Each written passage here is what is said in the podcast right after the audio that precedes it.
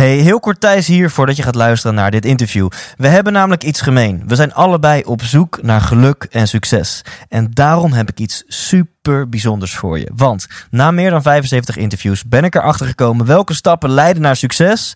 Maar ook dat succes heel vaak niet leidt tot geluk. Wat is nu een methode om succesvol te worden en tegelijkertijd gelukkig te zijn? Die ontdek je in mijn e-book Leef Intens 8 lessen na 75 interviews. Dit e-book kun je helemaal kosteloos downloaden op ikwilgeluk.nl. Dus ga nu naar je browser, typ in ikwilgeluk.nl en ontdek een methode om echt gelukkig te worden. Mijn naam is Guido Weijers en je luistert naar de 100% Inspiratie Podcast.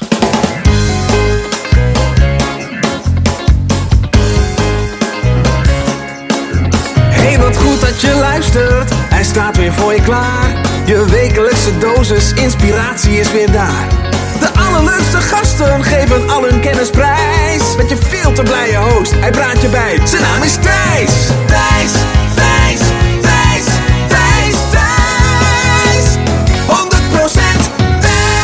Lieve luisteraar, holy shit. Ik kan echt niet enthousiaster, want ik heb iemand geïnterviewd die al heel lang op mijn wensenlijstje staat. En dat is Guido Weijers. En Guido en ik, wij delen dezelfde passies. Wij hebben allebei een passie voor theater en we hebben allebei een passie voor persoonlijke ontwikkeling.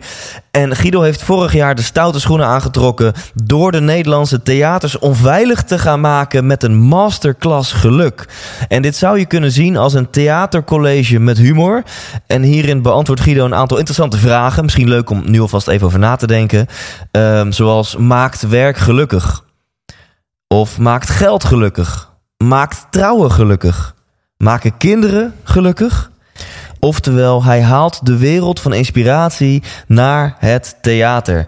Ja, en daar gaat mijn hartje sneller van kloppen. Dat vind ik zo ontzettend gaaf. Als je al wat langer luistert of mij wat langer kent, dan weet je dat wellicht. Dat is precies mijn missie. Ik zelf heb ontzettend veel geïnvesteerd in mijn eigen ontwikkeling. Voor meer dan 50.000 euro ben ik de wereld overgevlogen. Op zoek naar alle goeroes en alle seminars. Hè, de 10 stappenplannen naar geluk en succes. En ik heb gemerkt dat daar heel erg veel waardevolle stuff tussen zit. En ik vind het gewoon zonde dat dat voor een paar gekkies is weggelegd die net als ik heel veel geld en tijd investeren om naar die intensieve seminars te gaan. En toen is mijn droom ontstaan om dit toegankelijk te maken voor iedereen. En waarom maken we hier niet wat leuks van? Waarom niet in het theater voor een paar tientjes dezelfde inzichten delen die je anders zou krijgen als je naar zo'n lang, meerdaags, kostbaar, intensief seminar gaat? Nou, en dat is mijn droom. In mijn geval heet dat niet een masterclass geluk, maar de 100% Thijs Show. En uh, ja, tijdens die show deel ik mijn beste inzichten en daag ik jou uit om 100% jij te zijn. Nou, je voelt er misschien al aankomen. Door het interview met Guido begon het bij mij zo te kriebelen dat, dat ik zelf ook weer een theater heb geboekt. En wel op 6 juli, vrijdagavond 6 juli, in Theater de Bali in Amsterdam. Wil je erbij zijn? De kaartverkoop is geopend. Dus als je gaat naar thijslindhout.com, dan kun je tickets kopen voor de volgende show. Dus heb je zin in een avondje lachen, een avondje lol maken en ook geïnspireerd raken, een beetje geraakt worden, tot nadenken worden gezet over je eigen leven? Ja, check dan thijslindhout.com en bestel daar kaarten voor de show op 6 juli. Dan nu snel terug naar Guido. Ik sprak met hem in het Delamar Theater, waar hij diezelfde dag ook een show ging spelen.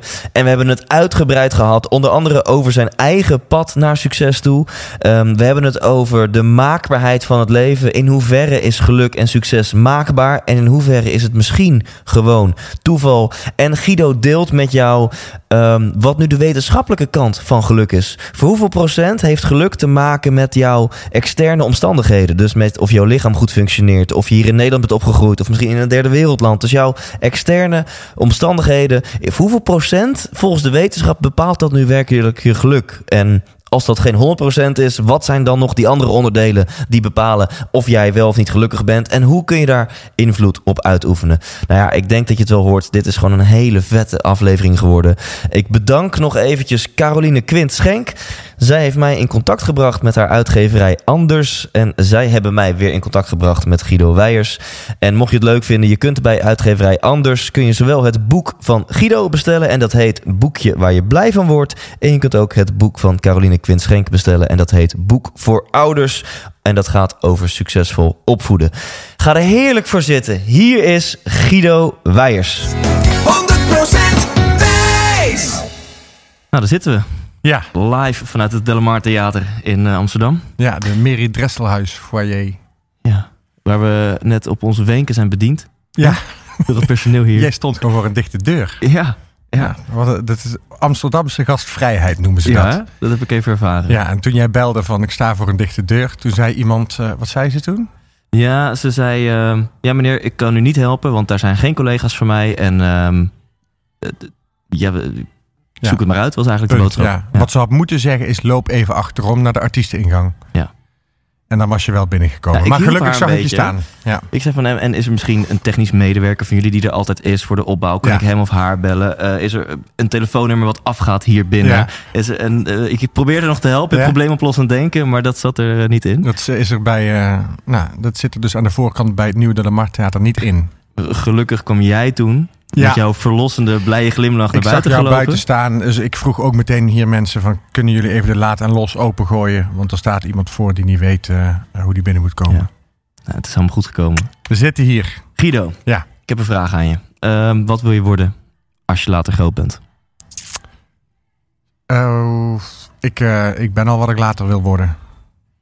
Dat is eigenlijk... eh, dat is misschien een cliché antwoord, maar dat is precies wat het is. Ik, ik, ik zou nu niks willen veranderen aan mijn leven. Wauw. Ja, En- Ja, niet nu, en niet, al niet de, de 15 jaar dat ik optreed. Eh, ik, ik ben al wat ik wil zijn, ja. En kun je daar eens op, op doorgaan? Want wij hebben een beeld van jou. We kennen jou als cabaretier, theatermaker. Maar misschien heb jij een heel ander beeld van jezelf. Dus wat maakt dat jij nu denkt van... wauw, als ik naar mijn leven kijk en alle onderdelen daarvan... ja, Ja. wil ik eigenlijk niks veranderen. Nou ja, kijk, als je het hebt over mijn hele leven, dan zijn er heus nog wel. Dan zou ik best nog eh, drie kilo minder willen wegen en toch nog bredere schouders willen hebben. Eh, maar als je vraagt wat wil je later worden, dan, dan eh, doelen mensen meestal op hun beroep. Ja, ik heb het mooiste beroep van de wereld. En ehm, eh, dat wilde ik vroeger ook al worden. Hè. Dus als je. Ik, ik ging naar Herman Vinkers kijken en naar Brigitte Kaandorp en naar Paul de Leeuw in het theater en, en naar Joep. En toen dacht ik, dat wil ik later ook. Ja. En ehm, ja, intussen heb ik eh, in Carré gestaan en het Ziggo Dome en heb ik alle theaters van Nederland uitverkocht. Dus, dus ben ik wat ik later wil Ja. worden. Ja, het is ook niet dat ik nog ergens tegenaan hik van ja, maar Joep heeft daar gestaan en ik niet. Of, eh of eh Brigitte Kaandorp heeft nog iets wat ik niet heb gedaan. Of zo. Ik heb alle mogelijkheden gekregen die ik, die ik wilde, zeg Ja. maar. Ja. Ja. dus what's next zou je bijna af kunnen vragen. Nou ja, of gewoon berusten in wat fijn dat ik kan doen wat ik al het allerliefste doe. Ja. Want what's next? Ja, tuurlijk, ik, ik zit nooit stil en we zijn eh, met allemaal losse projecten bezig. Ja. Eh, maar dat is allemaal gewoon leuk voor erbij. En, eh, en mijn hoofdmoot blijft wel theater. Dat Ja. is wel mijn grote liefde en dat is wat ik wil zijn. Ja. Feit alleen al dat je zegt dat je deze theatervoorstelling, Masterclass Geluk... dat je zegt Ja. dat je dat even on the side erbij doet. Hè? Dat geeft wel aan dat je, Ja. dat je een bezig bijtje bent. Ja, ja, weet je, ik vind ehm, stilzitten, dan, eh, daar word ik niet blij van of zo. Als ik eh, op vakantie ga, dan is het een, een week lang moet ik tot rust komen. Dan moet ik echt eh, als een soort, soort ja, je hebt van die sneeuwbolletjes, hè? Dan, die schud je en dan eh, gaat het zo sneeuwen. Ja, ja. En dan zet je ze op tafel, tak, en dan duurt het even zo. Nou, bij mij is het dan een week voordat de sneeuw zo is gaan liggen in mijn hoofd. En, eh, maar ja, na een week dan denk ik zelf weer... Goh, dat bolletje moeten we weer oppakken Ja, en we ja. moeten weer gaan schudden. Want eh, ja, als het alleen maar stil blijft liggen, dan vind ik ook niks. Dan ga je naar op vakantie omdat je rust wil. En dan heb je die rust hè, na een week. Mooie metafoor. Ja. En dan heb je die rust en denk je, ja, maar eh, wat is dit? Er moet Nee, weer... eh, Dan, hebben we weer, eh, dan, dan is, is de verwarming genoeg ontlucht. En dan mag er weer nieuw water bij. En dan mag het weer helemaal nieuw- nieuwe dingen dan. Mooi. Dus ik ben meestal tijdens mijn vakanties to-do-lijstjes aan het maken voor wat ik ga doen als ik thuis kom. Ja. En je zegt hè, dat je nu bent geworden wat je altijd al wilde worden. Wat bewonderingswaardig is, wat super tof is. En ik ben benieuwd, wat is dat dan? Is het het theater waar jij zo verliefd op bent? Of is het cabaret, mensen vermaken, inspireren? Ehm, dus ik ben heel benieuwd welk ingrediënt eh, Ja. waar wakkert bij jou de grootste passie aan? Ehm, Ja, ik, ik was als kleuter gewoon geobsedeerd door het, door het circus, door de spreekstalmeester in het circus. Dus het feit dat je voor een groep staat en dat je dingen aan en afkondigt, vond ik wel fascinerend. Ehm, tegelijkertijd, toen ik naar Joep ging kijken, toen ik naar Harry Jekkers ging kijken, toen dacht ik, oh, je kunt ook nog tussen de grappen door of tussen het praten door kun je af en toe iets moois vertellen, kun je een boodschap meegeven en je kunt mensen laten lachen. En laten lachen, dat eh, wordt soms vertaald als iets plats. Hè? Gewoon uh, alleen maar lachen. Maar lachen is wel echt een oeremotie die, uh, die ook wel echt een kern raakt of zo.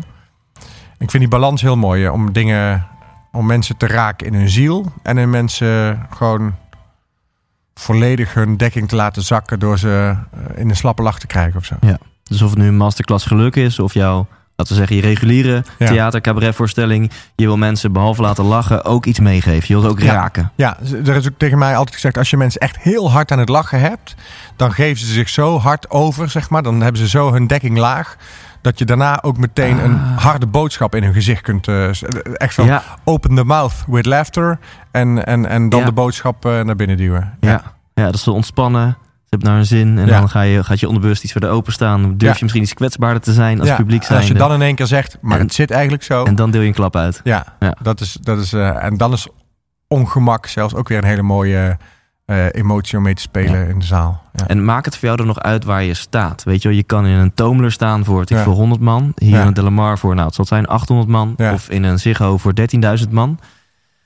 Uh, maakt dat voor jou uit? Nee, dat maakt in de kern natuurlijk helemaal niks uit. Um, wat wel zo is, is dat in, in, op verschillende plekken zouden andere dingen wel werken. Uh, in het Ziggo Dome werkt het als je dingen heel goed hebt voorbereid. En dan moet het groots en dan moet er een beetje show bij zitten. Uh, dat zou in Toemler niet werken. Uh, want in Toemler zit je zo dicht op de artiest. Dat moet puur zijn. Die moet bij wijze van spreken vertellen wat hij smiddags heeft meegemaakt. Anders geloof ik hem niet. Ja. Andersom is ook zo. Als je een verhaal wat in Toemler zou werken, ja, iets wat je vanmiddag hebt meegemaakt, ja, als je dat in het Ziggo Dome doet, dan zit er te veel ruis in. Dan is dat nog niet goed uitgefilterd, nog niet goed. Uh, ja. dat, dat, is nog niet elke komma afgewogen. Ja. Ja. dan werkt dat nog niet. Maar qua genot of plezier om te spelen, uh, maakt het mij niet uit. Nee. Want uh, ik wil gewoon graag iets vertellen aan het publiek. En of ik dat doe voor honderd man die heel graag willen luisteren uh, of voor duizend man die heel graag willen luisteren. Dat maakt mij niet uit. Wat ik wel belangrijk vind is dat de zaal vol zit. Ja. Dus ik heb, ik heb niet graag 100 man in een zaal waar er duizend in passen. Ja.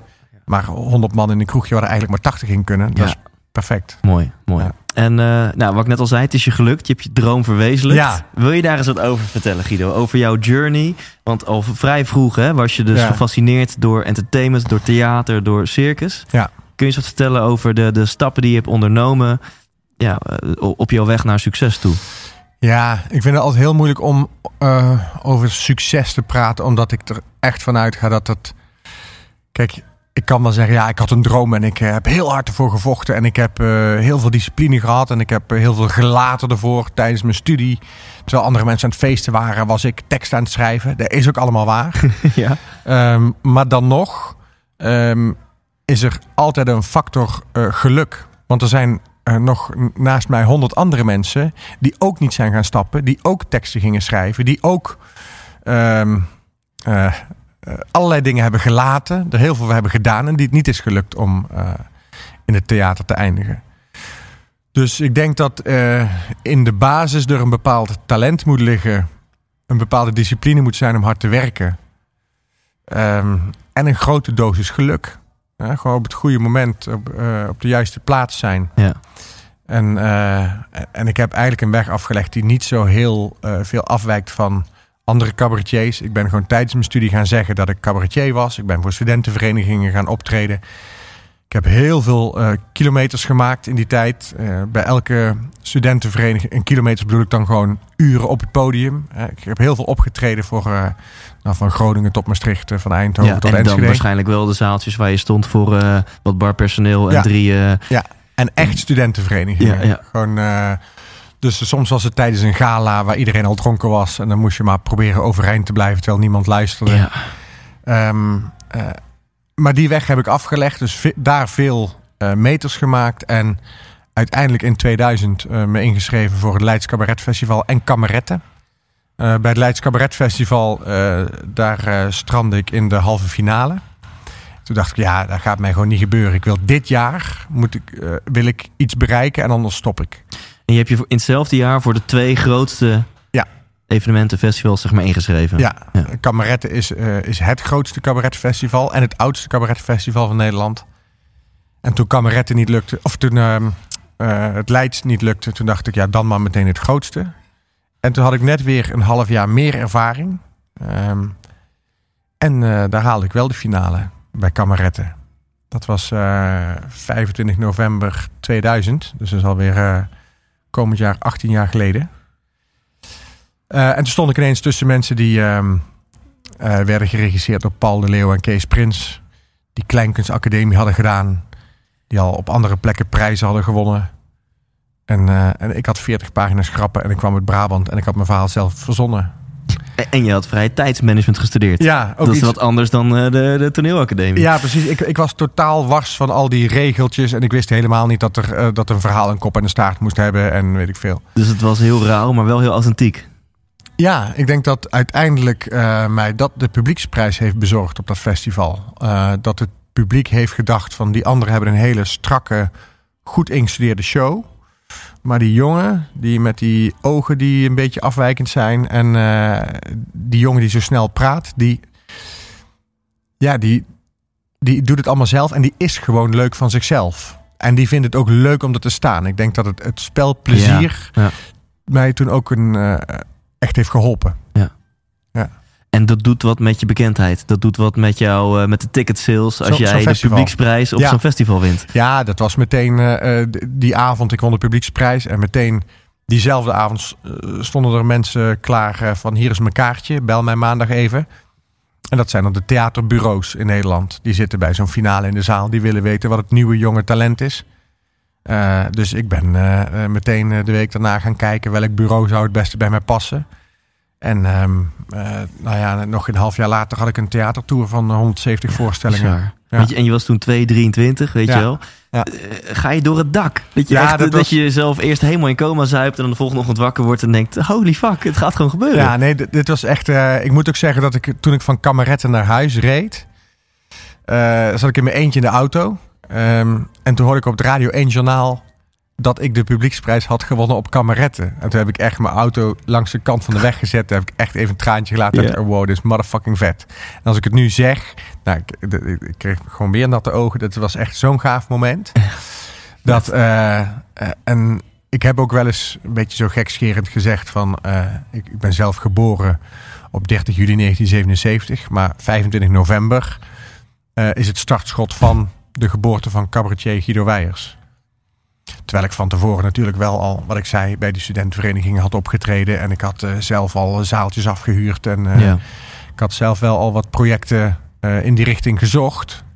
Maar het echte start, waar hobby beroep werd, zeg maar, dat was toch echt bij kameretten. Ja. Ja. Nou, ik wil zo dadelijk, ben ik heel benieuwd naar de stappen die je na dit moment hebt gezet. Dus na die 25 november. Ja. Maar je zei net iets heel interessants, eh, heel, heel bescheiden en mogelijk ook wel terecht. Van nou ja, ik heb hard gewerkt en eh, die American Dream of die Amsterdam Dream Ja. moet ik wel noemen. Terwijl de rest van het party was, was ik in mijn eentje aan het schrijven op mijn Ja. studentenkamertje. Maar je zegt, ja, dat hebben honderden anderen ook gedaan. En die, zijn, die hebben niet in een uitverkocht psychodoom gestaan. Ja. En dan noem jij vervolgens factor geluk, dat die heel belangrijk is. ja. En denk je dat, dat, dat echt? Want het succes gaat natuurlijk verder dan, dan hard werken. Er zijn nog zoveel andere componenten. En is het dan misschien niet gewoon dat die andere mensen niet het totaalplaatje hadden wat er voor nodig was? Ehm, ja, dat kan wel. Maar bijvoorbeeld ook op zo'n avond tijdens kameretten, tijdens die finale. ehm, die andere twee, die de juryprijs hebben gewonnen, die waren ook echt heel goed. En uiteindelijk was het verschil tussen mij en die mensen, het publiek mocht stemmen. En dat verschil in stemmen was ook niet eens zo heel groot. Ik won echt met een paar stemmen. Ja. Maar ja, er viel ook een glas om in de zaal tijdens mijn voorstelling, waar ik, een, eh, waar ik iets op riep of waar ik een reactie op maakte. Ja, je kunt ook zeggen, ja, als dat glas niet was omgevallen, had ik die opmerking niet gemaakt, hadden mensen misschien toch gedacht, die andere twee waren leuker.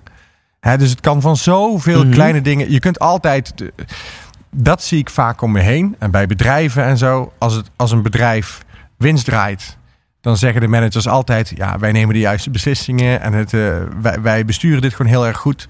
En als het bedrijf verlies draait, dan zeggen ze: ja, het is recessie. En de markt zit even niet mee. Ja. Dan wijzen ze niet naar zichzelf. Dus eh, Ja. het, is, het is bijna flauw om te zeggen: ja, het is, het is toevallig bij mij allemaal gelukt.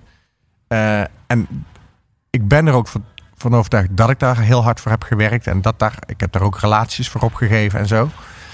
Ehm, maar ja, ik kan ook niet anders. Ja. Ik, ik, ik had dat niet, niet kunnen doen of zo. Ja. Dat is gewoon wie Ja. ik ben. En, en ik wilde daar graag hard voor werken. En eh, ja, je, je zult nooit weten hoe het, hoe het anders zou... eh, Ja. En dan kan je inderdaad zeggen, nou dat is dan geluk. Of misschien zelfs faith, weet je of universum. Hè? Misschien dat Ja. glas of net die paar publiekstemmen. Je kan ook denken, ja maar als je ergens en keihard voor gaat... en je bent overladen met passie en talent op dat gebied... mhm. dan lijken toevalligheden vroeg of laat links of rechts wel op je pad te komen. Want je geeft gewoon heel hard gas in een bepaalde richting die congruent is met wie jij bent en Ja. wat bij jou past. Ja, Eh, dat, dat, zou wel heel ehm, logisch zijn om van je ego om dat naar jezelf toe te schuiven.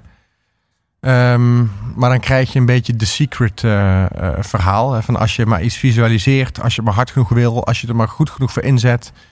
eh, als je maar elke dag opschrijft en, en als je maar hard genoeg werkt, dan komt het naar je toe. Maar ik denk dan toch altijd aan de, de mensen in Afrika die honger hebben. Denk die, Ja. die, die, die hebben niet die kansen die wij hebben. Ehm, en die denken ook elke dag aan eten en die krijgen het nooit. Ja. Eh, dus eh, ja, Ja, dus op, op het feit dat, we- dat je hier bent geboren in Nederland. dat is al stap Hè? 1. Dat, ja. dat je ook nog eens gezond wordt geboren. ja. Hè? Dus dat, dat, dat is al, ehm, dan behoor je al bij de, de lucky few, de lucky 1% of the world. En daar Ja. heb je natuurlijk niks voor gedaan. Dat is alleen nee, maar precies. geluk te Dat is noemen. gewoon al, daar kun je alleen maar dankbaar voor zijn. Ja. En vervolgens... Oh, Siri die doet gewoon mee in het Yes! interview. ja. ja, zo. Wa- Wat is er goed, vraagt Siri. Ehm, eh, als je jouw theorie dan... ehm, en ik vind het heel interessant, laat dat vooropstellen, doortrekt... dan zouden Mhm. dus mensen kunnen zijn die eh, keihard werken... om bijvoorbeeld door te breken als cabaretier. Ja. Eh, ze zijn super gepassioneerd daarover. En ze zijn ook nog eens heel talentvol. Ja. En ze hebben moed en lef en ze kunnen tegen kritiek en ze gaan maar door. Maar zij hebben even niet het geluk aan hun zij. Zij hebben even net niet die publieksprijs of net niet die Ja. het impresariaat op een pad komt. En het lukt hun dan gewoon niet. Is dat ja. wat je stelt? Ehm, ja, in zoverre dat ik, eh, ik zie ook mensen waarvan ik denk, waarom hebben die geen volle zalen? Want die zijn natuurlijk ook echt eh, heel erg goed. En hun voorstelling zit goed in elkaar. En ik weet zeker dat er een markt voor is. Ehm, en die hebben dan misschien wel de creatieve skills om mooie teksten te maken. Maar die hebben dan misschien niet de marketing skills om ehm 100.000 volgers op Facebook te hebben. Waardoor ze een zaal vol krijgen. Of Ja. die hebben niet de marketing skills om... Nou ja, ze worden nooit uitgenodigd bij de Wereld Door of bij Umberto Ja. Tan. Waardoor ze geen platform krijgen. Eh, ik denk dat in, in het jaar 2000... Toen waren er, denk ik, vier zenders. Ik gok dat er eh, Nederland 1, 2 en 3 was en RTL 4. Eh, dus als je dan op tv kwam, dan had sowieso een kwart van de Nederlanders jou gezien. ja. Nu, zijn- nu zijn er nou twaalf zenders, Nederlandse zenders al. ja. ehm, waarvan steeds minder mensen tv gaan kijken. Dus als je nu een avond op tv bent, ben je de dag erop niet beroemd. Ja. Ehm, tenminste, ik weet niet meer wie er vorige week bij de Wereld Draait Door was... of wie er gisteren bij eh, Umberto Tan zat. Nee. Dat gaat zo snel en zo, is zo vluchtig allemaal. Dus als jij nu doorbreekt als cabaretier... Ja, dan moet jij op tien zenders tegelijk komen. Dat is een stuk moeilijker. Ja. Dus ik denk eh, zeker dat ik ook nog wel het eh, geluk heb gehad... dat ik nog in een fase zat dat als je die prijs won... dat het dan nog echt wel uniek was. En om dit gesprek dan misschien meteen maar naar een eh, wat spirituele level Mhm. te tillen. Geloof jij er dan in dat, dat voor ieder in het leven de dingen voor een reden gebeuren? Dus jij hebt dan een beetje extra geluk gehad, waardoor Ja. jij bekend bent, volle theaters. En iemand anders die misschien net zo goed of misschien wel beter is dan jij, eh, Ja. die, die bereikt dat niet. Maar voor, voor die persoon, voor deze man of vrouw, zijn er hele andere lessen te leren in het leven, waar, waar dit weer meer bij past. Mm, het zou kunnen. Ehm, Ik zie al de moeilijkste les bij artiesten die de zaal niet vol hebben, is accepteren dat je de zaal niet vol hebt of er iets gaan doen. Ja. Ehm, ja, dat is wel een les die ik ze niet gun. Hè, dus niet dat ik gun jou eh, het accepteren van eh, dat dat niet belangrijker is of zo. Ja. Ja. Ik gun jou het accepteren van je falen. Dat is Nou niet ja, een, of, eh, of, het. want je zou ze ook gewoon volle zalen kunnen geven. En dan het inzicht kunnen geven dat het niet belangrijk is. Ja. Dat het niet uitmaakt. Dat, dat is toch fijner. Ja. Ja. ja, dan weet ik niet of er een lot voor iedereen is weggelegd of zo. Ik, ehm, ik geloof ook wel heel erg in een soort toeval of zo. Ja. Ja, nee, wat ik wel heel mooi hieraan vind, is dat je, wat ik hierin hoor ook, is dat je heel dankbaar bent. Dus jij bent niet eh borstklopperig van, hé, hey, eh, kijk eens, ik heb het even voor elkaar en kijk die pannenkoeken nou eens die, die het niet lukt. Even heel gechargeerd gezegd. Maar omdat jij van overtuigd bent dat geluk, toeval zo'n grote rol speelt, zit er ook een hele hoge mate van dankbaarheid in jou. Zeker. Zeker. Kijk, eh, het is, het is makkelijk om te zeggen: ik had vroeger een droom en ik heb daar hard voor gewerkt en dit is het dan. Ehm, maar ja, hoeveel mensen willen nu DJ worden en doorbreken? En die Ja. lukt het niet. Ja. Ja, dus eh, ik, ik, ik geloof wel echt in een, in een toeval. En natuurlijk is het wel zo dat als jij tien kogels afvuurt, is de kans groter dat je iets raakt dan wanneer je één kogel afvuurt. Ja. En ik heb natuurlijk wel, eh, toen ik door wilde breken, alles afgevuurd wat ik had. Ja. Eh, dus dus eh, dan, dan is de kans groot dat je een keer raak schiet. Het zou ook. Het moet niet zo zijn dat je denkt, ja, het is het lot. En eh, als, ik, als, het, als de sterren zo staan, dan zal het wel zo zijn. Ik ga lekker op de bank zitten. Ja. En als ik door moet breken, hoor- dan bellen ze me wel een keer. ja, precies. Weet je, dat zou, dat zou eh, eh, het tegenovergestelde zijn. Dat is ook niet waar. Nee. Er zal ergens een gulden middenweg zitten tussen, tussen discipline, talent, doorzettingsvermogen en een grote factor geluk. Ik denk dat het Ja. allemaal meespeelt. Ja, het is interessant. Het is de hele hypothese van deze podcast. Hè, van zijn er stappenplannen naar geluk en of succes? Nou ja, geluk en succes, dat zijn natuurlijk ook weer twee compleet andere Ja. dingen. Dus laten we het ook straks over geluk gaan hebben. En ehm, ik geloof er zelf in dat er, wel, dat er wel degelijk, wat jij ook Mhm. zegt, nou ja, patronen zijn van succes en Ja. stappenplannen naar succes. En in het voorbeeld wat je net noemde, zeg je ja, iemand mist dan net een stukje marketing. Ja, Ja, dat is dan blijkbaar onderdeel van het plaatje wat je moet hebben. ja, Ehm, sterker nog, ik denk te zien dat mensen die geniaal zijn, maar slecht zijn in marketing, die komen volgens mij minder ver dan Mhm. mensen die medium zijn, maar geniaal in marketing. ja. Het is een beetje, een beetje triest, maar volgens mij is dat eh, wel wat er aan de hand is. ja, in deze wereld zou je daar heel erg gelijk in kunnen hebben. Ja. Ehm, in mijn ogen zijn de, de, de stappenplannen naar geluk. ehm, eh, nee, laat ik een vraag stellen. Vind jij de stappenplannen naar succes moeilijker dan de stappenplannen naar geluk? Want voor deze mensen die dus niet doorbreken in het theater, wil niet Mhm. zeggen dat dat ze per se ongelukkig maakt. Hè, dat zijn weer hele andere factoren. Ja. Ehm, Zo, het is een, het is een vrij eh, eh, intense vraag die je stelt, hè? Dan zijn Daar de, ben, ik, ben ik nog heel van bewust. ja, is de stappenplan naar geluk makkelijker dan, de, dan jouw stappenplan naar je succes? Vroeg je dat? Ja, dat was de vraag.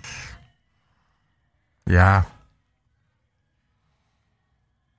Ja, ik, eh, nou, in, in zoverre zijn er misschien wel overeenkomsten dat ik dus zeg dat succes, daar is niet een vast omlijnd stappenplan voor. Dat is natuurlijk met geluk ook zo. Ehm, tegen de een zeg je, als jij zoveel uur per dag aan je marketing gaat besteden en je gaat eh, je talent verder ontwikkelen en je gaat eh 10.000 uren in hetzelfde stoppen, zodat je je skills ontwikkelt, dan zal dat succes gaan opleveren. En dan eh, zorgt de dosis geluk ervoor of dat wel of niet gebeurt. En bij geluk is het ook zo, daar heb je ook eh, ingrediënten die je kunt toevoegen, zodat je inzicht krijgt in wat maakt mij gelukkig. Ja. Ehm, dus je kunt het wel een beetje sturen. En tegelijkertijd zijn er ook factoren waar je geen invloed op hebt. Sommige dingen zijn aangeboren of, Ja. of eh, soms zit het lotje even niet mee. En, ehm, maar het is, wel zo dat je geluk tot op een bepaalde hoogte kunt beïnvloeden. Ja. Ja, want om terug te gaan naar waar we het net over hadden. Als je in Afrika wordt geboren, om maar een voorbeeld te noemen. Ja. Heb je even wat minder geluk. Trouwens, irritant het in het Nederlands dat we hetzelfde woord hebben voor happiness en voor luck. Weet je, Ja, want we hebben, ja. je hebt geluk dat je net bent ge- geboren als in, dan, dan ben je lucky. En om het nu even over happiness te hebben. ehm, het zou natuurlijk wel kunnen zijn dat iemand in Afrika onder ogenschijnlijk hele eh, nadelige omstandigheden heel erg gelukkig kan zijn en Klopt. heel veel voldoening uit het Ja. leven kan halen. Terwijl ja, kijk hier in Amsterdam om je heen. We hebben alles wat ons hartje begeert. We hebben hier een Apple Ja. Store met een trap van een ton. En eh, we zijn, we zijn gezat depressieve, ongelukkige mensen. Ik zag afgelopen week de documentaire van Avicii. En daar zit letterlijk, ik dacht nog, die, moet ik, die zin moet ik eruit knippen en die kan rechtstreeks mijn, mijn masterclass geluk in. Ehm, daarin zegt hij van, ik voldoe aan alle voorwaarden om gelukkig te zijn. Met andere woorden, maar ik ben het niet. Eh, en eh, ja, weet je, de DJ's van tegenwoordig, ze gaan allemaal met hun vliegtuig, eh, met hun eigen vliegtuig naar hun werk. En ze hebben allemaal mega grote huizen. En elke vrouw is onder de indruk van die jonge gasten. En, maar ja, dat is dus blijkbaar niet de sleutel tot geluk. Ja. Ehm, ja, dat is interessant. Ja, dat, dat maakt hopeloos. Ja, sorry, Ja. verder? Nou ja, en dat, dat geeft ook meteen wel een, een richting aan jouw vraag van, of, of aan jouw opmerking van degene in Afrika eh, die niks heeft, die zie je soms heel erg gelukkig zijn. En dan eh Avicii met al zijn miljoenen, eh, die niet weet hoe hij het een plaats moet geven. Dat komt omdat ze hebben onderzoek gedaan. En als je naar het verschil in geluk zou kijken. Dus als Avicii zich een 4 geeft en die gast in Afrika zichzelf een 6 bijvoorbeeld. Het verschil in geluk, dus die twee punten verschil. Daarvan wordt maar 10% veroorzaakt door omstandigheden.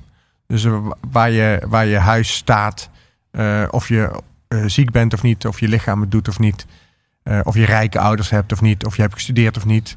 Dat zorgt maar voor 10% voor het verschil in het geluk dat we ervaren. Dus maar heel weinig. En die andere 90% verdeelt die zich tussen bijvoorbeeld mindset en, en genen, aanleg? Ja, nou precies dat. Ehm, jij praat hier ook veel over, dus je weet er ook veel van. Maar dat is het precies. Eh, eh, tussen de 36 en de 40 procent is genetisch bepaald. Dus daar kun je zelf niks aan doen. Daar kun je je ouders Ja. schuld van geven, maar daar houdt het op. Je hebt een aanleg voor depressie of je hebt een Ja. aanleg om best wel Om te positief te hebben. denken, Ja, positief te denken. En, ehm, en dat is niet zo. Dus, maar als ik dan zeg 36 eh, tot 40 procent, dat betekent dan niet dat het verschil in cijfer dat je zelf zou geven 3,6 of 4 is. Nee, van het verschil.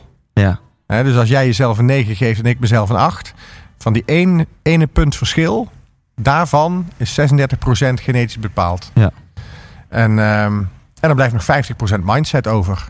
En dat is puur wat je denkt en wat je doet en hoe je handelt. ja. En, ehm, en daar, kun je, daar kun je dan nog enige invloed op uitoefenen. En waar ik heel nieuwsgierig naar ben, in hoeverre is mindset dan weer nurture en nature? Hè? Dus kan je Ja. iemand het 100% verantwoordelijk nemen? eh, eh, of ja, verantwoordelijk houden voor zijn eigen mindset? Of kan je ook op dat gebied Ja. weer denken: ja, jij kan er niet zoveel aan doen dat je negatief denkt, want jouw omgeving of Ja. jouw opvoeding? Of... Ja, of het zit in je.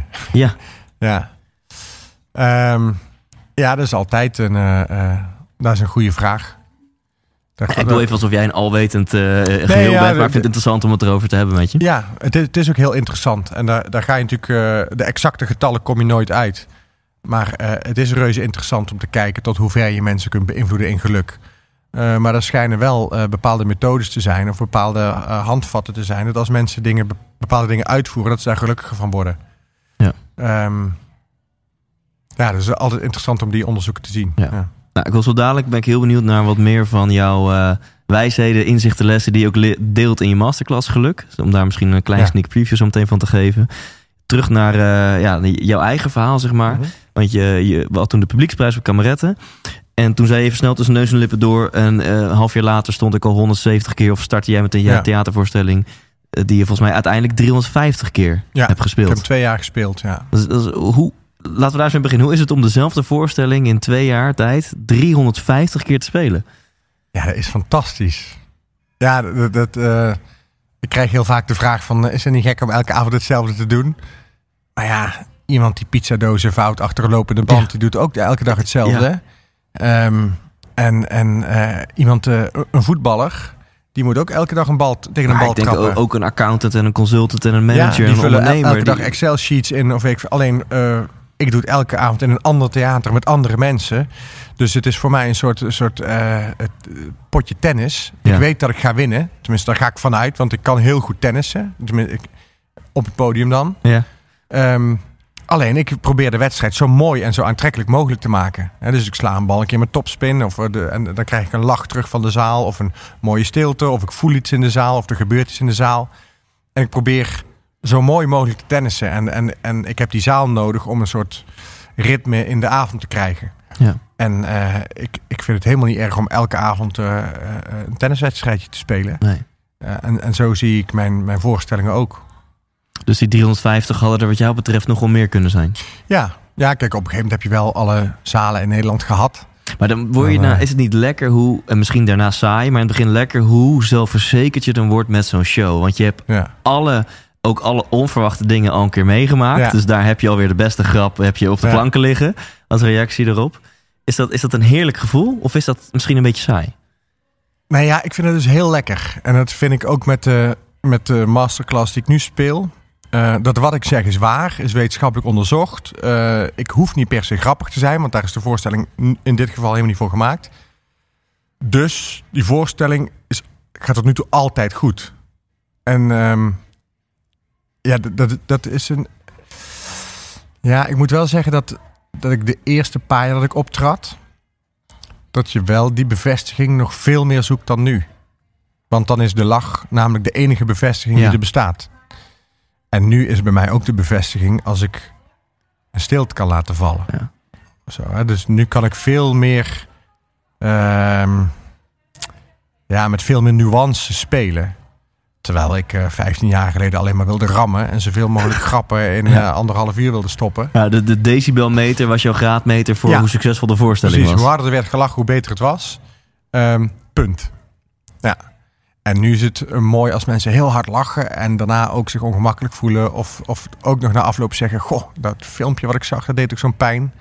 Of dat raakte me. Of eh, eh, nu, mag het, eh, nu mag het palet wat meerdere, meerdere dingen Ja. hebben. Ja. En dan ehm, ga je je tweede of je volgende voorstelling schrijven. Ja. Dan ben je inmiddels hè, ben je wel een naam, een Ja. gevestigde naam. Hoe is dat? Ja, ik dacht dat dat heel moeilijk zou zijn. Eh, juist omdat je, als je 23 bent en je, je, je wint een festival, dan bereid je dat, dat half uurtje wat je op dat festival had, bereid je uit tot anderhalf uur. En dat is ongeveer je eerste show. Maar ja, dat is eigenlijk wel 23 jaar van je leven aan materiaal wat je hebt gespaard voor Ja, die ene show. En voor je tweede voorstelling ja, heb je anderhalf jaar de tijd of twee jaar de tijd om, dat, om daarover na te denken. Dus ik dacht, ja, dat gaat mij nooit lukken. En blijkbaar eh, had ik in die anderhalf jaar toeren of twee jaar toeren zoveel routine opgedaan. Dat die tweede voorstelling eigenlijk vrij makkelijk eruit kwam.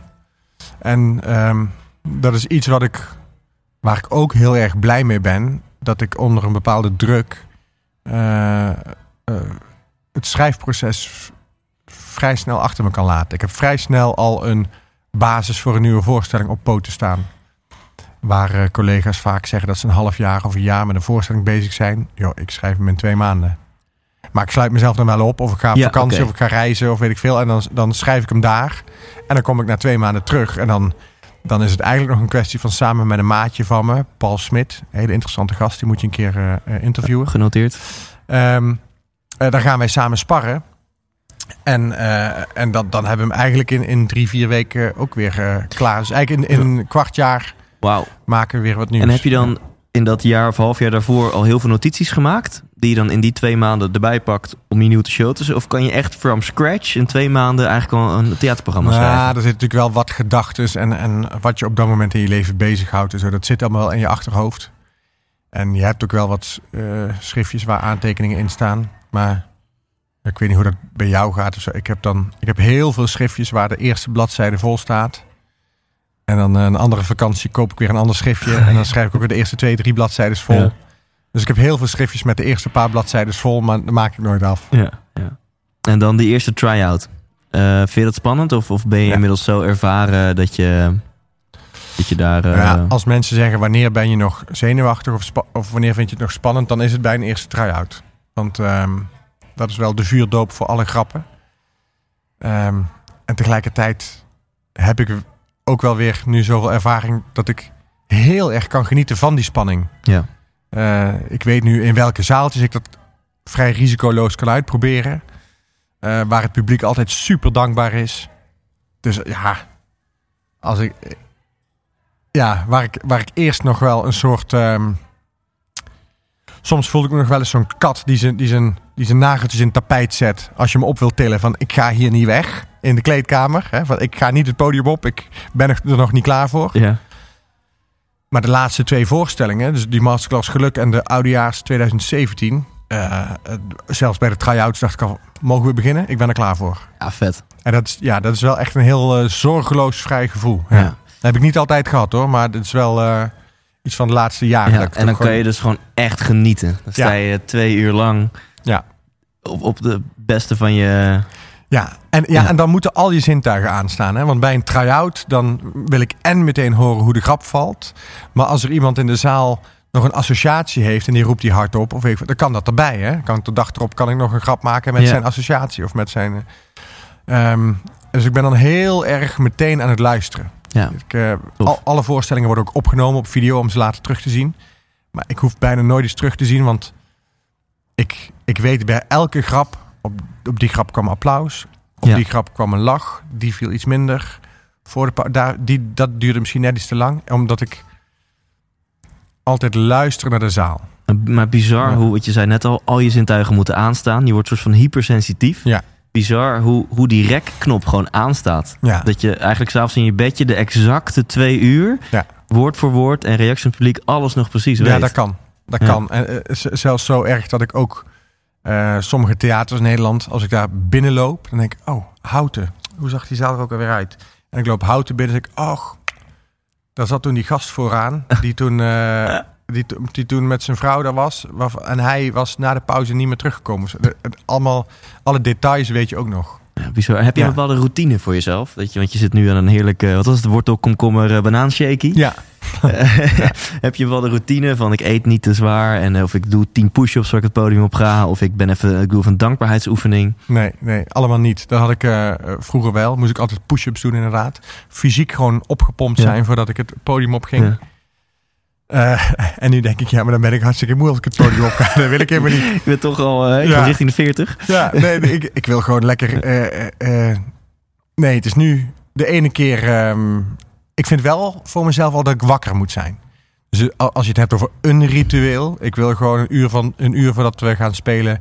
Wil ik koffie. En ik drink nooit koffie. Maar eh, een uur voordat ik het podium op ga, wil ik koffie. Ja, lekker. Ehm, dat is het enige eigenlijk. Dat ik, eh, ik, het gaat mij niet gebeuren dat de zaal zegt: Goh, volgens mij was hij een beetje moe. Of volgens mij had hij er niet zoveel zin in. Ja. Dat, dat mag dat nooit niet. gebeuren. Nee. Eh, misschien een hele moeilijke vraag, maar wat, wat, wat is het leukste of gekste dat je ooit hebt meegemaakt tijdens een voorstelling? Poeh. Ja. Nou ja, dan ben je heel snel geneigd om te zoeken naar iets wat onverwachts is of zo, hè? Heb je wel eens borsten moeten signeren? Misschien kun je het in die hoek eh, nou ja, dat, maar dat was nog lang niet het gekste. Eh, Qua, qua Nee, lichaamsdelen bedoel je? Of wat zei je? qua lichaamsdelen was dat niet het gekste wat je ooit hebt dat- ge- ja, ja, nee, maar ja, borsten, ja, dat zijn borsten. Nee, wat ik, wat ik tof vond, dat was in Os bijvoorbeeld, maar dat is ook alweer tien jaar terug. eh, dat er eh, iemand tijdens de voorstelling wegging. En ik zei, wat is er aan de hand? Je, probeert, je ziet, ook- ergens een deur open Ja. gaan. En, eh, en dus, je- dus je legt de show stil. Eh, Ja. Wat is er aan de hand? Eh, ja, eh, moeten bevallen. Hoorde je zo ineens zo. En, eh, en dan is het wel gaaf dat je gewoon hoort dat er twee uur nadat mensen uit jouw zaal weg zijn gegaan, dat daar een kindje is geboren. Dat, je daar gewoon een gebo- dat er gewoon een geboortekaartje naar het theater wordt gestuurd. Van eh, wil je deze aan Guido eh, eh, Want doorsturen? was het zeg maar. de man die in de zaal zat of ook de, de vrouw? Die Nee, de vrouw, de vrouw zelf. De vrouw zat de, zelf de hoogzwangere vrouw kreeg gewoon weeën tijdens de... Ja, nou hebben we, ik weet niet, misschien sublaag of zo. Dat we gewoon de speakers... ik weet niet waardoor het kwam. Ja. Ehm, ja, dat soort dingen gebeuren. Of dat mensen, eh, dat je een geboortekaartje van iemand krijgt en daar staat de naam Guido op. En dat iemand gewoon zegt, ja, wij hebben elkaar, eh, we zaten bij jou. We wisten dat ze zwanger was. We wisten nog geen naam voor ons kindje. En tijdens jouw voorstelling keken we elkaar ineens aan en dachten, goh, Guido is eigenlijk best een leuke naam voor een jongetje. Jeetje. Ja, dat, dat zijn wel dingen die ik. of ehm, eh, een, een mooi moment. Eh, dat eh, mijn oma een beetje dementerend raakte. En is denk ik, hebben we 2005 hebben we het over. Ehm, dus dat ze niet helemaal ook door had wat voor. Ja, ze wel dat ik een beroep had. En dat, maar op een gegeven moment zei ze ook van, nou, kom dan eh, toch een keer nog kijken naar je voorstelling. En toen kwam ze in de kleedkamer vooraf. En toen vroeg ze, en waar zijn al die andere mensen? Zei ik, nee oma, die, die 500 man in de Schouwburg, die komen daar alleen maar voor mij. Ik ben de enige die vanavond optreedt. Nou, toen viel echt haar bek open. Toen zei ze echt, oh. Nou, het is toch geweldig, zei ze toen. En in de, in de zaal, eh, mijn, mijn show eindigde met het verhaal dat mijn oma niet meer wakker werd. Dus dat ik zei van, eh, eh, ik hou ook van jou oma. Oma. En dat ze inmiddels was overleden. Want eh, een van de boodschappen uit die voorstelling was, je zegt altijd, ik hou van je tegen andere mensen, maar nooit tegen de mensen om wie het echt draait. Maar ja, het kan zomaar eens te laat zijn. Dus, dus eh, ik dacht ook van ja, ik moet dat ook een keer tegen mijn oma zeggen. En ik zeg dat nu elke avond tegen de zaal. Hè, dat ik dat tegen mijn oma zeg. Maar ik heb het nog nooit echt tegen mijn oma gezegd. Ik hou van je. Dus eh, in, de, in de voorstelling kon ik haar ook echt aankijken op rij 4. En kon ik zeggen, ik hou ook van jou oma. En toen ging de voorstelling natuurlijk weer door. Dus moest ik gewoon weer oma. En dat was dan het grapje. Ehm, maar dat had ze wel opgepikt. Want tijdens het slotapplaus stond ze ook echt zo met de duim omhoog. En weet ik, dus dat, Oh, wauw. dat zijn wel mooie momenten, ja. En ook wel lef dat je dat doet. Weet je, voor hetzelfde geld schiet je helemaal vol. Ja. Ja, en, en zelfs ook daar zou ik dan heel erg van genieten. Ja. Als dat zou gebeuren. Want ik heb eh, bijvoorbeeld ook in 2014 had ik een stuk over Bubbel Okkels in de voorstelling. En eh, toen heb ik ook de familie van Bubbel Okkels uitgenodigd. Dus dan weet ik ook dat de weduwe in de zaal zit en de, de, de, de kinderen. En eh, ja, op het moment dat ik toen dat stuk speelde, toen had ik het ook wel kwaad, zeg maar. Maar tegelijkertijd vind ik dat dan...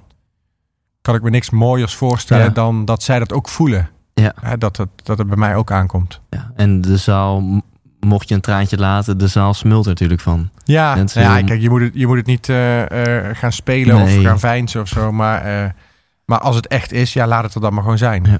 ja. En nou ja, een paar jaartjes fast forward. Iets meer testosteron in 2016 voor hoeveel duizend man? was dat in de 12.000 man. 12.000. Ja. Ik heb die foto die, die Ja. in je boek staat en die op je website staat. Ja. Ik heb eventjes een foto van mijn laatste show erbij gepakt. Ja? Dat telde ik iets minder, eh, mensen. ja, hoe is dat, man? Ja, dat is natuurlijk eh, eh, totale waanzin om, eh, om te zeggen... we gaan comedy doen in de Ziggo Dome. Dat is Nederland helemaal niet gewend. Ja. Ehm, ik zou het in mijn eentje ook nooit gedaan hebben. Omdat ik dan de kans van falen te groot zou vinden of zo. Wat als, je, als het niet uitverkocht raakt? Of wat als net die ene avond dan niet goed gaat of zo? Mensen vinden er meteen iets van. Ehm, de vorm van mijn voorstellingen vind ik nu ook... eh, af en toe misschien iets te serieus om het eh, in zo'n grote vorm te doen. Dus toen het plan kwam om het met z'n vieren te doen, toen dacht ik ja. Weet je, ik ben wel een van de, van de mensen die het kan, die zo'n grote zaal aan kan. Ehm, en als we de vorm dan zo kunnen maken dat we daar eh, mee kunnen spelen, dat we dat echt kunnen afstemmen op het Ziggo Dome, ja, dan is het wel leuk om een keer gedaan te hebben. En ik had thuis een, eh, een LP van Toon Hermans. En dan zie je hem van de achterkant gefotografeerd. Gewoon netjes in de- met een smoking aan. En dan zie je een vol carré eh, staan, mooi uitgelicht. En toen dacht ik, ja, zo'n foto wil ik ook. Maar dan in de Ziggo Dome. En dat is de foto die jij hebt gezien. Wauw, die, eh, die, Ook eh, in een mooi pak. Ja, gewoon netjes zwart pak aan. eh, geen eh, gekke dingen. Eh, ja, ik wilde gewoon eigenlijk... Ik, ik denk dat 50% van de drijfveer om in het Ziggo Dome te staan... was gewoon het namaken van die foto. gewoon, je wil gewoon toch zo'n foto van jezelf aan de muur. Ja, en dat kan wel een hele grote motivatiebron zijn dus. Ja, ja terwijl je, het natuurlijk ja. eigenlijk een soort, een soort ego-dingetje is. Maar ja, misschien ook wel gewoon een soort drang naar het onbekende, naar dat wat je nog nooit gedaan Ja. hebt. Eh, het is nog niet eerder gedaan. Ja, dat vind ik niet per se een argument, Mhm. maar, eh, maar maakt het wel allemaal spannend. Ja, En we hadden het net over zenuwachtig zijn. Was dat weer een momentje dat je even goed zenuwachtig was? Eh, ja. ja, sterker nog, het tweede jaar eh Ziggo Dome was ik nog veel meer gespannen dan het eerste jaar. Omdat ik toen, eh, het, dat was de laatste keer denk ik dat ik echt zenuwachtig was of gespannen was. Omdat ik had, ik had niet de regie over, over wat ik... ik ben iemand die bij een eerste try-out, daar kan ik ook van genieten. Maar in het Ziggo Dome moet het af zijn. En ik had op een gegeven moment het idee dat ik in het Ziggo Dome nog een try-out stond te spelen. Ja. Dus ik was totaal niet in control voor mijn gevoel. Eh, dus ik was helemaal, eh, ik was echt al, eh, ja, ja, ik was niet opgefokt, maar ik was gewoon, er zat een bepaalde angst in of zo. Maar ja, fuck it, het gaat gewoon nog. En niet dat ik het niet zou redden, maar het feit dat het niet perfect is of nog niet af Ja. is. Dat je, je had daar graag gewoon nog vier try-outs in een andere zaal gespeeld met dat materiaal en om hem dan pas in het Ziggo te doen. Dus ik, eh, die tweede keer kon ik ook wat, nog minder genieten dan de eerste keer Ja. zelfs. En dat kan er wel in resulteren dat je juist de sterren van de hemel speelt, natuurlijk. Ja, nee, ja, en uiteindelijk ging het ook hartstikke goed. Ja. Alleen, ehm, nou ja, ik, ik vond toen dat ik daar niet... eh, wat je zegt klopt wel. Het kan zijn dat het dan ineens woep, eruit rolt. Eh, maar zo voelde het voor mezelf niet. En, ik en, was toch iets te veel gefocust of zo. Ik wilde iets te veel controle hebben misschien. en, en, en speeltechnisch, zeg maar, moet je anders spelen in een Ziggo Dome? Eh, langer wachten na een grap? Of eh, moet je gewoon letterlijk meer gas geven, harder praten, sneller praten? weet je wel? Ehm. Heb je dat... Is dat zo of niet? Nou, ik, ik denk dat het verschil niet per se is met, eh, tussen het Ziggo Dome en andere zalen. Maar dat elke zaal eh, aan zich zoiets van zich vraagt. Eh het Ziggo Dome, daar zou je namelijk denken, het is super groot. Dus het galmt heel veel, zoals in een kerk of zo. Dus je moet heel langzaam praten, want dan kan het een seconde later achteraan in de zaal zijn. Maar het Ziggo Dome heeft echt zo'n fantastische techniek. Ja. Dat maakt dus helemaal geen reet uit. Je kunt gewoon zelfde tempo praten, zelfde. ehm, eh, je hoeft daar geen rekening mee te houden, omdat het zo perfect klinkt in het Ziggo Ja. Maar als je bijvoorbeeld naar, ik noem het dwarsstraat, eh Theater aan het Vrijthof in Maastricht, daar kunnen 900 man in de zaal, maar dan sta je gewoon in een kerk. En als ik daar zo met, in mijn handen klap, dan hoor ik zo, dan hoor ik hem nog twee of drie keer ketsen. Dus voor 900 man in Maastricht moet ik beter opletten hoe snel ik praat en hoe verstaanbaar ik ben dan in het Ziggo Dome. Ja. Dus ehm, ja, het is meer per zaal, afhankelijk dan van, eh, dan van hoe groot die per se is. Ja. Ja. Ja. En de adrenaline boost daarna, hè? Kan, je, kan je slapen? Of, of heb je zo'n natural high van, eh, van voor 12.000 mensen spelen? Dat, eh, Ja, dat had ik dus de eerste keer Ziggo Dome wel. De tweede keer Ziggo Dome wende dat alweer. ja, ja. Dat, ehm, dat zeg ik va- vanavond ook in de masterclass. Eh, eh, toen ik de eerste keer in Gorkum stond voor eh, 56 mensen. Dat was uitverkocht in het theater Het Pand in Gorkum, want er kunnen er niet meer in. Dat vond ik fantastisch. Ik zette 56. Ik had nog nooit eerder dat mensen speciaal voor mij een kaartje hadden gekocht. Terwijl ze mij niet kenden. Terwijl ze, eh, en dat was in 2001 dan is dat Ja. geweest. Mensen kennen mij niet. Ze kopen wel een kaartje voor me. Ze komen alleen maar naar het theater speciaal voor mij. Ook al zijn het op mijn 56. Ik, ik vond het fantastisch. Dat was de eerste keer dat zoiets gebeurde. En eh, het jaar daarop stond ik in Gorkum in een zaaltje. eh, niet meer in het pand, maar in een ander zaaltje waar 200 man in konden. En eh, vier jaar later stond ik in Gorkum in een zaaltje waar er 600 in konden. Ehm, maar, en dat vond ik iedere keer tof. Want iedere keer gebeurde er iets nieuws. Zo, andere zaal. Wauw. Hebben we dit weer bereikt. Hebben we dat weer bereikt. En, en ja, en op een gegeven moment sta je voor het Ziggo Dome. En toen dacht ik ook, ja, in het Ziggo Dome dacht ik, oké, 12.000 man. Maar ja, als ik nou dat, dat gevoel van 15 jaar geleden van eh, het pand in Gorkum voor die 56 mensen terughaal, dan was dat gevoel eigenlijk hetzelfde. Ja. Alleen blijkbaar ben je zo erg gewend aan Ja. dat het steeds groter Ja. wordt, dat op een gegeven moment 12.000 man hetzelfde voelt als die 56. Ja. Ja, dan moet je jezelf eens af gaan vragen. eh, komt er dan na die 12.000 man nog een stap? Moet je dan nog meer? Moet je dan nog verder? Jij vroeg in het begin hè, van eh, eh, wat zou je dan nog willen? Of het, ja, nee, what's ik, next, ik heb, ja. what's next? Ik heb al wat ik Ja. wil. Nou ja, twee van je collega's die zijn dan naar de, naar de Kuip gegaan. Hè? Ja. Die hebben dat dus letterlijk aangepakt. Maar, sorry, Ja. ik onderbreek je. Je zegt van ja, moet je dan altijd maar meer willen? Is eigenlijk de stelling. Ja, ik geloof niet dat daar het geluk in zit. Hè? Dus eh, eh, de Kuip, ja. Ja. Ik geloof ook niet dat ze daar zelf gelukkig van zijn geworden. Heel eerlijk. Kun je daar wat over vertellen? Of, Nou ja, eh, dat is natuurlijk een fantastisch. eh, nee, nou, dan moet, voor de mensen die luisteren, die niet weten waar het over gaat. Jan Dino en Najib Amhali hebben de Kuip afgehuurd. En eh, die hebben dat gedaan. Wat natuurlijk ontzettend veel lef vraagt. Wat natuurlijk, en daar is Jan Dino een extreme held in, dat hij dat gewoon aan heeft gedurfd om dat gewoon af te huren. Alleen drie weken daarvoor stond hij met ons in het Ziggo Dome. En eh, ja, dan moet je dus eh, je aandacht gaan verdelen. Ehm, hij heeft ook gedacht van als ik in de Kuip sta, moet ik dat niet in mijn eentje doen. Ik wil mijn succes delen. Dus hij had ook broederliefde erbij. Hij had de Roe Veer erbij. Hij had Najib Amhali. Hij had zoveel dingen erbij dat het uiteindelijk maar 20 minuten stand-up in de Kuip was. Wat vanuit Jandino geredeneerd uh, heel logisch was, omdat hij heel veel mensen de kans wilde geven. Maar het publiek wil gewoon het liefst anderhalf uur Jandino zien. Uh, dus het publiek dacht, ja, het is weinig comedy. Jan Dino dacht, ik, ik wil al mijn vrienden een kans geven. Dus, dus Ja. dan het, het- ik denk dat het een soort compromis is geweest van alles, waardoor het eh, eh, niet dat is geworden wat ze hadden gehoopt. Snap ik. Ehm, maar nog steeds alle credits naar dat, dat mensen het lef hebben om het zo te doen. Ehm, maar of ze er gelukkiger van zijn geworden, ja, ik denk dat het gewoon een ding is op je bucketlist. Waar je dus op korte termijn Ja. even, dat kun je afvinken en dat geeft dan een stootje Endorfientjes, endorfine en ja, alle, al die dingen. Ehm, maar op lange termijn denk ik dat de kunst is om. Ik sta vanavond in deze zaal hier in Amsterdam. Ik wil vanavond genieten. Ja. En vanavond in het nu zijn. En samen met die zaal een leuke, leuke voorstelling maken. En dat gewoon eh, elke avond.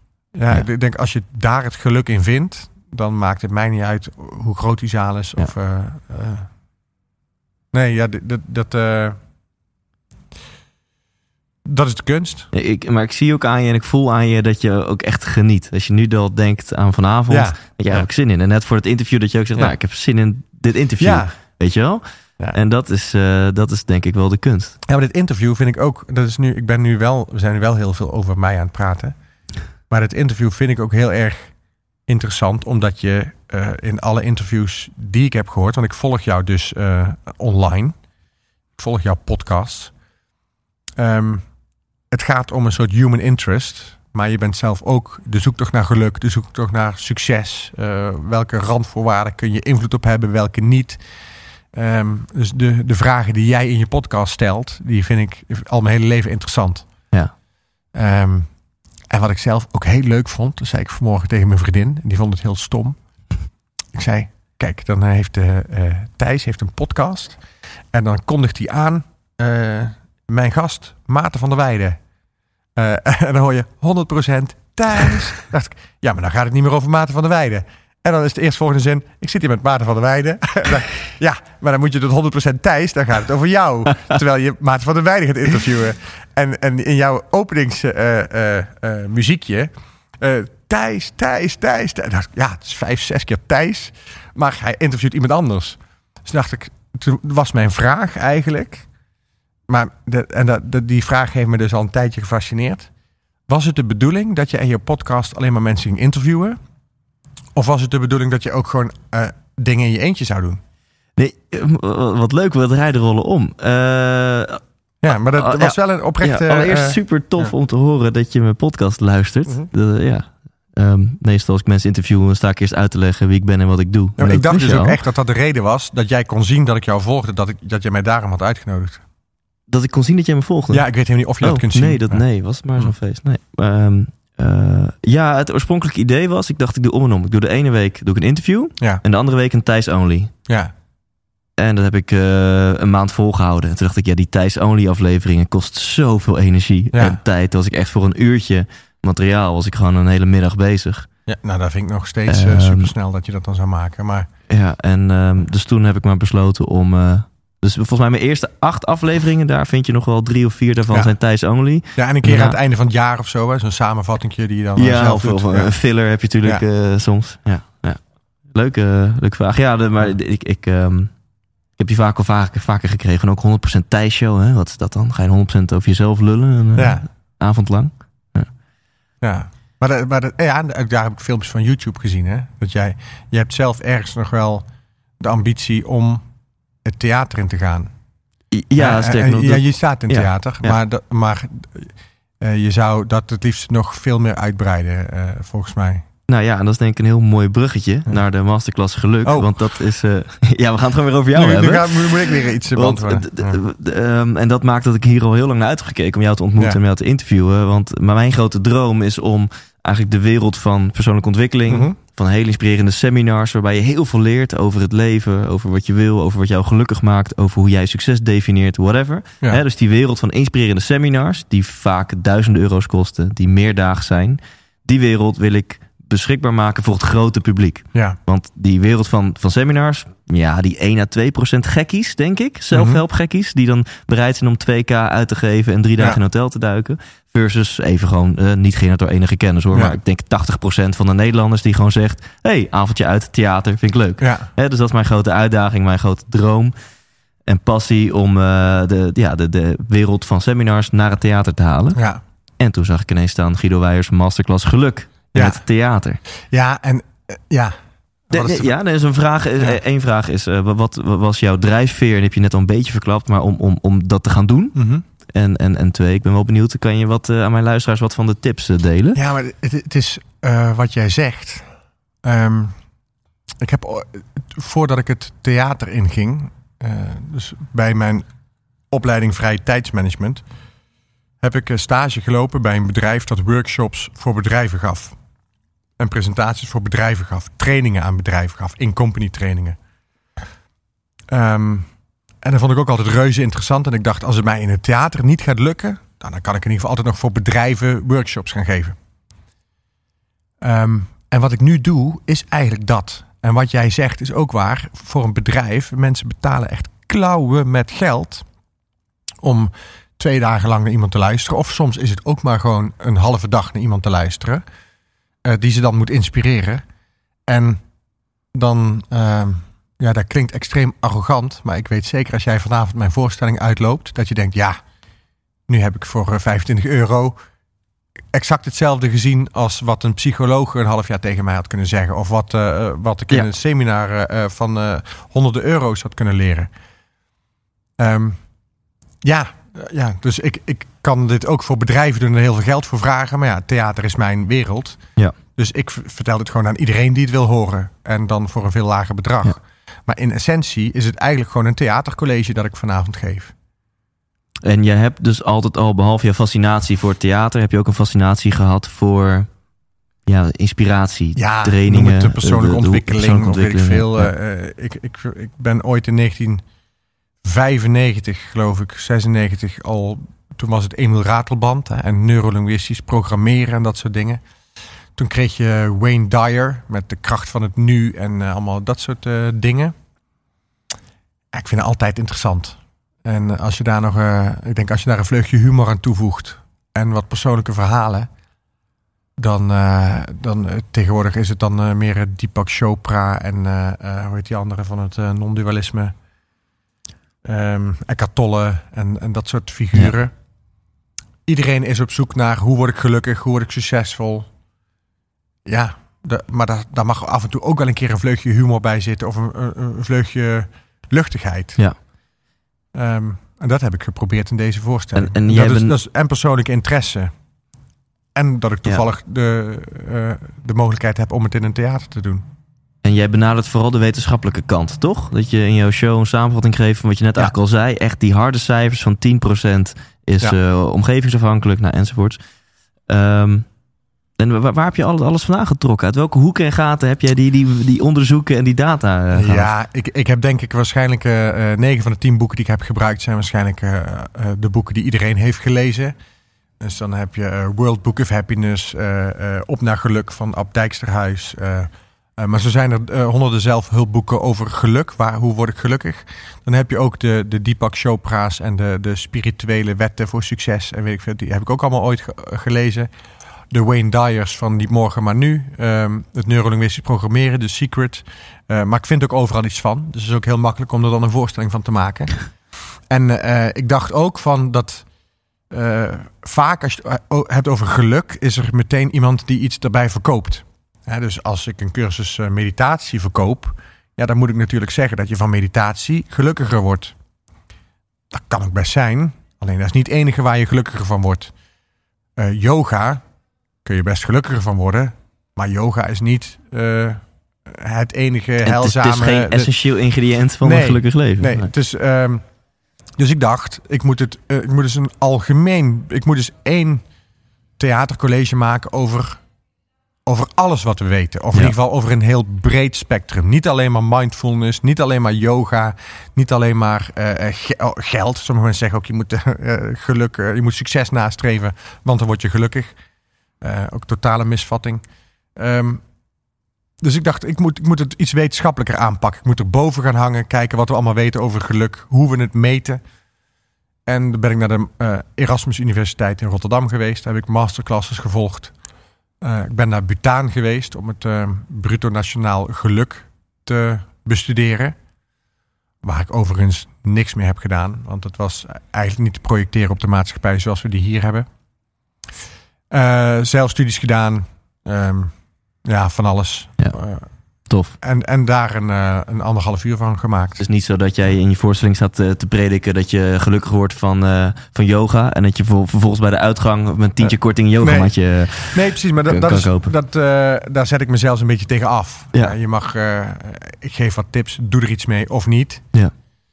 Dat is ook het fijne, dat we, we meten wel tijdens de voorstelling hoe gelukkig mensen in de zaal zitten. En aan het eind van de avond zijn mensen daadwerkelijk gelukkiger dan aan het begin. Dus dat is heel fijn om te weten. Dan heb ik mezelf bewezen en dan mogen ze daarna naar huis. Ja. En Mooi. bij een, eh, kijk, als je natuurlijk eh, duizenden euro's voor een bedrijf gaat vragen, ja, dan, dan wil je ook wel dat jouw medewerkers eh, drie maanden later nog effect hebben van Ja. die cursus of zo. Ja, wat ik zelf wel echt heb gemerkt, want ik heb nou, zo'n beetje ehm, duizenden euro's, sterker nog ongeveer een halve ton geïnvesteerd in mijn eigen ontwikkeling Ja. Acht jaar. Jij bent ook de halve wereld rondgereisd daarvoor. Ja. toch? ja. Ja, van seminars over Ja. code lopen, yes roepen, Ja. tot een weekend lang op een matje zitten. Eh, mensen die ervan uitgaan dat een man eh, acht uur lang in de, in de kleermakerszit kan zitten zonder dat je daar pijn van krijgt of zo. En dan alleen maar je bek houden en dankbaar zijn. Even heel gechargeerd. Dus eh, van het meest spirituele tot het meest Amerikaanse. Ehm, en ik heb ook heel veel coaches gehad. En wat ik wel merk is dat de, de waarde van een seminar gaat tot zover je zelfreflecterend vermogen reikt. Want Tony Robbins, vorig weekend in Londen, stond voor 13.000 man. Er geweest? Eh, ik, ja, ik ben op dit event ben ik zeven keer geweest, maar afgelopen jaar toevallig niet. Ja. Ehm, Zeven keer. ja, dus ik ben een Ik beetje heb zijn documentaire gezien. Ik vond het wel fascinerend. Maar ja. wat ik, ik noemde net Ratelband in 1997, 96 al. Dat was natuurlijk eh, Tony Robbins. Hè? Ja, het was gewoon een eh, één op één een kopie daarvan. Maar Mhm. wel een hele goede kopie.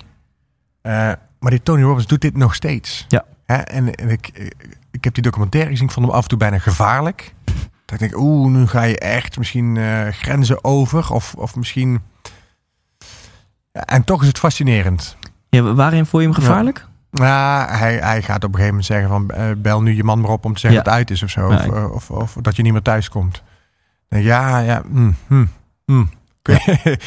ik vind dat nogal eh, eh, Ja. definitief. En eh, dat zou alleen maar... Dan moet je het wel heel zeker weten dat je iemand die kant op wil sturen. Ja. En waarschijnlijk heeft hij in, in zijn alle jaren die hij trainingen geeft... heeft hij signalen al van iemand gekregen... waardoor dat zo zeker is dat hij dat, die stappen durft te zetten. Ehm, maar ik zou dat zelf nooit zo... Voor mij zijn dingen niet altijd zo zwart-wit als voor Tony Robbins. Ja. Ja, ik snap dat. En wat natuurlijk wel is, ik ben ook op dat event geweest. Dat heet Date with Destiny. Ja, En een interventie duurt gerust drie kwartier, zo niet anderhalf uur, zeg maar. Ja. En daar hebben ze in twee uur hebben ze even zes interventies geknipt-plakt. Ja. Zeven minuutjes per stuk. Eh, dus dat is wel een andere experience natuurlijk. Je weet niet wat eraan vooraf is gegaan. Ja, ik snap wel dat je dat zegt. Ja, ja dat, ik, vind, ik vind al die dingen wel... Ik, ik ben ook benieuwd wat dan... En ik vind jouw opmerking ook... Het, het gaat... eh, de waarde ervan eh, eh, is net zo hoog als dat je eigen... Als dat je het kunt reflecteren op jezelf of zo. Hè? Zoiets zei je. Daar, eh, daar, daar geloof ik ook wel heel erg in. Weet je, het is al- als je... Als je drie dagen lang fantastische informatie krijgt... maar niks raakt aan jou of blijft plakken... ja, dan, dan is dat voor jou zinloos geweest. Ja. Terwijl als iemand op straat twee dingen in, in het voorbijgaan tegen je zegt... en, en dat is ineens eh, jouw nieuwe levensmotto... ja, dan kan het, dan kan het van heel veel waarde Ja, zijn. ja. Dus ehm, ja, in hoezeer, in hoezeer het beklijft... is, is hoe, hoezeer eh, haal je er iets uit voor jouzelf. Benieuwd, Wat heb jij eruit gehaald voor jouzelf? Ben je ook sceptisch naar, die- naar die eh, mensen? Want ben je sceptisch naar Tony Robbins bijvoorbeeld? ik, ik Of, was heel lang wel echt hashtag groepie. ja. Dat ik dacht, die man is onaantastbaar en alles wat hij zegt, dat klopt. Ben wel wat sceptischer geworden. Ehm, en dan ben je natuurlijk nieuwsgierig naar waar, waar ik sceptisch over ben. Ja, ik, ik heb hem elf keer live gezien, waarvan ehm, zeven keer Unleash the Power Within. Dat is een Mhm. beetje zijn, zijn grote instap-event. Ja. Dat is gewoon vier dagen een rockshow even gechargeerd gezegd. En daarna gaat hij dingen upsellen. En dan ja, weten we ben ik een keer geweest. ook. eh, Nee, Date with- documentaire is bij, bij zijn eh, verdiepingsslag. Dat heet Ah, ja. Date with Destiny. Ik ben twee keer bij Business Mastery geweest. En ehm, ehm, wat, wat, wat een beetje het gevolg kan zijn van dat, dat openingsevent, wat relatief goedkoop is. Je kan Ja. voor 1000 euro naar een vierdaags event. Nou, dat is een, Ja. Remco Klaassen kost drie, 3000 euro voor 3,5 dag. Weet je, dat is 1000 euro is niet zoveel voor een vierdaags event van de beste ter wereld. Ondanks dat er ook heel veel meditatie en connectie met jezelf oefeningen in Mhm. zitten, is toch vaak het effect na dat event van ik ga harder gas geven. Take massive action, weet je wel? Want change something, take massive action. If that doesn't work, take massive action. What if Harder that doesn't rennen, work? Change your approach, weet je wel? Dus de, de, netto resultaat, ondanks dat er ook spirituele vlakken in zitten, is toch bij de meeste mensen, ik moet harder gas geven. Nou, en ik kwam vorig jaar eventjes een burn-outje tegen. En dan kan ik maar één iemand de schuld van geven, dat ben ik zelf. Maar toen merkte ik wel van ja, fuck, dat is wel de een of andere manier, ehm, wat jij net zegt, het is niet zwart-wit. En, en ik zit zelf, ben ik nu met mijn eerste boek bezig. En Mhm. ben ik met mijn, mijn keynote bezig, die ik voor het zakenleven geef. En dan word je geboekt om antwoorden te geven. Terwijl hoe verder Ja. ik mijn zoektocht vorder naar geluk en succes, Ja. hoe meer interviews ik doe, hoe meer boeken ik lees, hoe meer ik erachter kom dat er vooral vragen zijn en geen antwoorden. Dus die, Einstein zei aan het eind van zijn leven: eh, hoe meer ik weet, hoe minder ik weet. Of zo. Eh, Zoiets van. eh, Ja. Ja. In het begin denk je dat overal antwoord op is. Maar eh, misschien moet je uiteindelijk maar accepteren dat, er, dat, we, dat we veel meer niet weten. Ja. toen, ik, toen ik drie maanden drumde, dacht ik dat ik een van de beste drummers ter Ja. wereld was. Dat dacht ik oprecht. Ja. Ik dacht, nou, zo flinke die mij eruit drumt. Ja. En, en eh, nu drum ik tien jaar. En hoe meer ik drum, hoe meer ik erachter kom hoe Ja. slecht ik eigenlijk ben. Of wat ik niet kan. Ja, of hoe Ja. beter gewoon je op jezelf reflecteert. Ja. Hè, hoe, hoe eerlijker bent tegenover jezelf. Ik ben heel benieuwd, wat het, die irritante vraag kreeg ik heel vaak. Ehm, van wat is nou het nummer één ding wat je hebt geleerd? Mhm. Dus jij hebt zelf heel veel onderzoek gedaan, onder andere voor dit programma. Je bent zelfs, zelf waarschijnlijk ook wel eens bij een seminar geweest. Ja. Ehm, wa- wat is jouw eigen conclusie? Wat is de zin van het leven, Guido? Eh, nou, de, de, de zin van. eh, Mag ik het bij geluk houden? Ja. Bij, eh, want wat, wat mijn grootste boodschap is in, de, in, in mijn masterclass geluk. En het is moeilijk om zo even heel snel te zeggen. Maar dat vond ik zelf een verhelderend inzicht. Dat is gewoon van Aristoteles. Dus dat heb ik niet zelf verzonnen. Maar het is dat geluk, om geluk goed te begrijpen, moet je het eigenlijk opdelen in drie elementen. En dat is korte termijn geluk. Dus plezier en genot. Dan kan een bungee jumpen, sigaretje roken, orgasme, eh, chocola eten. Eh, gewoon die, die stofjes in je lichaam die je eventjes voelt. Eh, maar, maar, alleen maar die alleen maar korte termijn gelukjes aan elkaar rijgen, zorgt niet voor ultiem geluk. Je kunt elke dag een shot drugs nemen. Je kunt elke dag in het Ziggo Dome staan. Daar went. Dus, ehm, dus naast dat korte termijn geluk, dat eerste element wat Aristoteles benoemt, heb je een tweede element nodig. Dat is gewoon tevredenheid. Gewoon, eh, gewoon ehm, eh, ja, het goede leven, zo staat het dan in zijn eh, boeken. Maar dan moet je heel vrij vertalen dat je zorgeloos kunt zijn. Dus dat je een prima baan hebt, een prima inkomen. Hoeft niet extreem hoog te zijn. Dat je als je thuis komt, dat je niet hoeft te liegen. Dat je zorgeloos kunt zijn, dat je een beetje deugdzaam bent. Dat je gewoon het goed voor elkaar hebt, zeg maar. Dat is het tweede element. Ehm, en het derde element is zingeving. En wat die theorie eigenlijk zegt, is als je en je leven een beetje zin geeft. Dat kan zijn doordat jij je kinderen gelukkig wil laten opgroeien. Of dat kan zijn doordat jij het medicijn tegen lepra wil uitvinden. Kan ook, of dat je eh, elke dag iets aardigs wil doen voor de mensen om je heen. Zo simpel kan, kan eh, zingeving zijn. Maar als je zingeving hebt in je leven, als je tevreden bent met wat je hebt en hoe je leeft, en je doet veel leuke dingen waar je plezier en genot uit haalt, dan zou die drie-eenheid eh, een, een, weg zijn, een richting zijn waarin je gelukkig kunt worden. Ja. En dit is heel, heel mooi, heel velderend en heel theoretisch. Ja. Zou je hier één concrete concreet advies eh, aan vast kunnen koppelen. Want dan denken mensen, oké, interessant. Hè, stel iemand luistert die denkt, ja, maar ja, ik weet niet. Ik, Ja, ik zit gewoon lekker in mijn vel de Ja, tijd. Of al een jaar lang. Of weet je wel. Wat, Ja, dan, maar dan zou je dus, eh, wat ik voor mezelf heel verhelderend vond, ik geef mezelf een 9 plus. Nou, als je vraagt hoe gelukkig je bij jezelf, ja, een 9 plus. Maar door die theorieën kwam ik achter, ja, waar, hoe, hoe kan het dan dat ik mezelf, dat ik altijd Ja. zo gelukkig ben? Ja. Dat, ja, ik vind mijn werk dus zinvol, want ik wil mensen laten lachen. Dat vind ik al zinvol. Maar ik wil ook mensen iets meegeven, dus dat vind ik al zinvol. Daarnaast eh, fiets ik in mijn leven. eh, ik, ik doe de Alpe d'Huez, daar haal ik geld mee op voor een goed doel. Ik, ik probeer aardig te zijn tegen de mensen om me heen. Dus zingeving zit bij mij wel goed. Tevredenheid. Joh, ik verdien echt bakken met geld in theater. Dat is echt onbeschoft.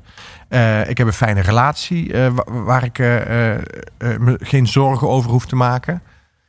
En ik doe veel leuke korte termijn dingetjes. Dus eigenlijk is mijn tip dan naar mensen... Leg, leg het eens langs die drie dingen. Ja. Hè? Ga eens kijken, Ja. vind ik mijn werk zinvol? Of vind ik mijn leven zinvol? En wat kan ik daaraan doen als het niet zo is? Ben ik tevreden met mijn leven? Of heb ik schulden of niet? Of, en wat kan ik daaraan doen als het niet zo is? En doe ik wel genoeg leuke dingen? Hè, eh, Ja. Ga ik vaak genoeg naar het theater? Of ga ik vaak genoeg eh, een keertje zwemmen of sporten? Of uit eten met vrienden? Of, eh, dus ik kwam er voor mezelf achter. Oh, ja, ik, ik score op al die drie dingen heel erg hoog. En daarom ben ik waarschijnlijk heel erg gelukkig. Dat is natuurlijk ook maar een beetje natte vingerwerk. Maar dat, zo, dat Ja. is maar dan mijn nou, dat is dan weer die eerste eh, psychologie niveau van van geluk. Ja, Natte vingerwerk. Dat is, Ja. dat, dat was, dat is wel korte, korte termijn geluk. ja, dat was, eh, ja. Nee, maar dus, dus als, je het ernaast, als je het zo naast elkaar legt, was het voor mij heel verhelderend. Van ja, het is eigenlijk best logisch dat ik, me, dat ik heel stabiel ben in mijn geluk, omdat ik al die drie Ja. zaken goed voor elkaar heb. Ja, en soms zie ik ook wel eens mensen die, die denken alleen maar van, ja, nu heb, ik, eh, nu heb ik deze auto gekocht, maar nu wil ik eigenlijk weer een grotere auto, want dan ben ik denk ik wel gelukkig. Ja. En ik moet promotie maken op mijn werk, want dan ben ik denk ik wel gelukkig. Ja, maar, maar dat, dat hoort allemaal bij dat korte termijn geluk. Die tevredenheid. Ja. Om, omarm eens eventjes ja. eh, wat je al hebt. En wees daar eens tevreden mee. Zorgeloos. En je hebt het ook niet altijd in de hand. Hè? Soms eh, kan er ook ineens een, een virus in je lichaam zitten. Of een, of een tumor of weet ik veel. Ja. En dan, dan heb je niet alles in de hand. Ehm, dus Dit, dit vind ik heel interessant dat je zegt van eh, als je dan echt heel erg van de lange termijn bent en je houdt een worst voor en daar je maakt misschien op korte termijn opofferingen om dat grotere ding te behalen. ja. Zorg dan tenminste wel voor dat die grotere worst dat dat op het gebied van zingeving is. En niet Ja. dat op het gebied van een auto, een mooi huis, een, eh, dus Nee. die korte termijn versie Nou, van geluk is. ja. Zo, ja, dit, dit filter jij er dan weer uit. Met, dat, vind ik wel, eh, dat vind ik wel een talent. Want dit had ik er zelf nog niet zo per se in gestopt. Maar het is, het is wel, die, dat- die drie stappen volgen vaak wel op één, ja. Als jij, ehm, eh, nou heel simpel. Als jij elke dag alles moet opgeven om één keer in de vier jaar kans te maken op een gouden medaille op de Olympische Spelen. Dan moet je je wel afvragen of die gouden medaille zinvol is alleen voor jezelf of voor de rest van de wereld. Of dat je daar uiteindelijk gelukkiger van wordt. Ja. Of dat je op een gegeven moment met die gouden medaille in je hand staat en jezelf afvraagt, ja, en nu? Da- daar komt het zwarte gat bij sporters vaak vandaan na Ja. hun carrière. Van ja. dan gaan ze zich pas afvragen, had het allemaal nut? Of was het gewoon puur mijn eigen ego dat Ja. opgepoetst moest worden? Ja, dat vond ik heel interessant bij. En we moeten hierna trouwens gaan afronden, helaas, want we Mhm. kunnen uren lullen. Maar eh, Nicolien Sauerbrei, Michael Bogert, Piet van Hogeband, Erben Wennemars. Ik vond het heel interessant om, zonder het letterlijk te benoemen in het interview, te kijken van, hé, hey, maar wat was jouw motivatiebron? Ja. Was dat stiekem nog een, een behoefte aan erkenning en waardering Ja. van jezelf? Moest je naar jezelf bewijzen, ik ben goed genoeg? Ja. Of naar je vader? Ja. Of heb je gewoon zo fucking veel passie voor dat bad, voor in het water of op het snowboard, dat, dat het verder niet uitmaakt of je gewoon medaille wint, maar dat je gewoon elke dag geniet van die sport. Ja, het mooiste is natuurlijk als het dat laatste is. Ja. Eh, En dat is niet bij iedereen zo. Eh, maar eh, nou, ik heb bijvoorbeeld het idee dat, dat het bij Pieter van der Hogeband wel zo is. Dat die gewoon, eh, die vindt gewoon zwemmen heel erg fijn. Ja. En, en dat is ook bij Cruijff of bij, bij Messi. Ik heb niet het idee dat die per se moeten voetballen. Weet je, Messi heeft al genoeg geld. Dus, maar die vindt gewoon het spelletje leuk. En dat is ook, Ja, ja, dat- dan, dan stijg je zo ver boven alles Ja. uit. Ja. Ik ga je onder spot zetten, want eh, we, we- Oké, we ja, kunnen leuk. anders, eh, voor het weet lopen hier mensen al binnen voor je Ja. theatervoorstellingen, zitten wij hier nog. Ja. Ehm, het onderspotgedeelte, ik had je al, ik had al aangekondigd, hè, dat zijn irritante tegenstellingen. En voor jou heb ik hem extra uitgebreid gemaakt. Dus we beginnen Top. met, met een algemeen lijstje.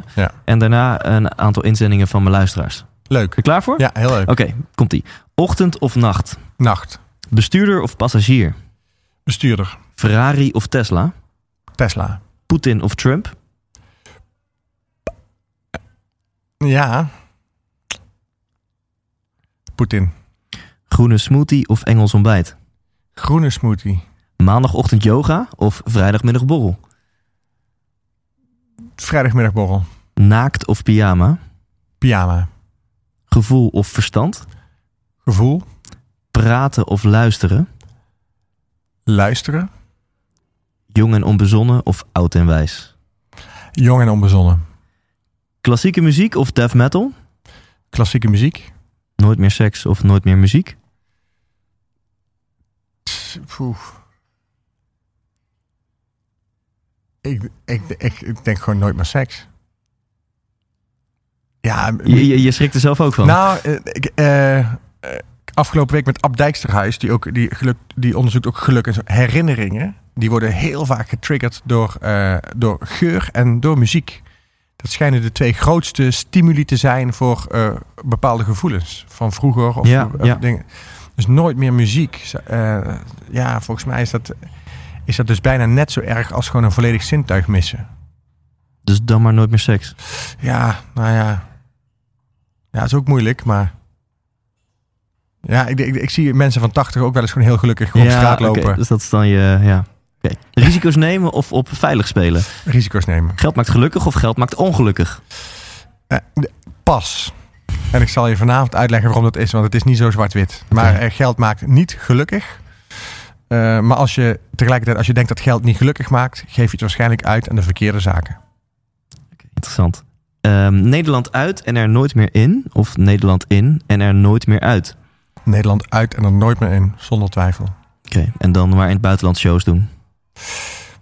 Zo, ja, in mijn werk eh, kan ik dat nooit meer doen. Want ik, eh, ja, dan zit ik aan de Nederlandstalig. eh, Ja. Maar ehm, ja, de wereld is zo mooi. En er is nog zoveel te zien. En ehm, ja, ik vind Nederland ook een prachtig land hoor. Maar ja, ik vind reizen toch ook wel. Ja, ik hou van bergen en zo. Ja. Wauw. Ja, dus dat wint dan toch Ja. van jouw passie voor hier op het podium staan. Ja, en ik moet ook heel eerlijk zeggen, ik, ik, ehm, ik ben ook nergens per se thuis of zo. Ik ben ook nooit heel erg eh, chauvinistisch. Of zo. Als je mij nu in een camper in eh, Nieuw-Zeeland zet, dan eh, voel ik me daar binnen drie weken ook thuis. Oké. Dus ik ben een soort nomad. Ik ben, ik ben over, ja, of ik ben overal thuis. Zo kun je Ja, het ook zien. ja, dat is Ja. positief. Ja. En de laatste van het eerste gedeelte dan. één dag koning of één dag weer kind? Eén dag weer kind. Nou, ik heb nu deel 2, dat vind ik spannend. Eh, maar Ja. goed, ik kan andere mensen de schuld geven, want die Ja, ja. eh, ingezonden zitten. Ik vond deze eh, wel leuk. Ah, cool. En ik ben ook blij dat ik niet te veel twijfelde. Alleen bij seks. ja, dat was ah, even. Ja, dat is een, le- een hele gemeen ook. Dus nou, daar zitten misschien hele. Ja, ik ga het gewoon doen. Marjolein, die zegt nooit meer cabaret maken of nooit meer praten over non-dualiteit. Nooit meer cabaret maken. Er zit een hele hoop nooit meers tussen trouwens. Ja, en, Ehm. en- en- ik vind het namelijk altijd leuk om te praten over wat mensen gelukkig maakt. Om aan tafel te praten over wat mensen bezighoudt. Over succes, over de onderwerpen waar jij het in je podcast over hebt. Dus als ik dan in het dagelijks leven nooit meer zou mogen praten over waar je gelukkig van wordt of waar je blij Ja, van wordt, Ja. dan zou ik mijn leven minder leuk vinden. Dus Dus, dan zou ik mijn eh, zou ja. ik, eh, ja. Eh, Sophia zegt nooit meer lachen of nooit meer huilen. Dan eh, nooit meer huilen. Ik vind lachen wel echt een mooie emotie. Ja. Ik vind huilen ook een mooie emotie hoor. Nou, eh, Carlijn heeft daar eh, ook eentje op bedacht. Nooit meer lachen of nooit meer verliefd.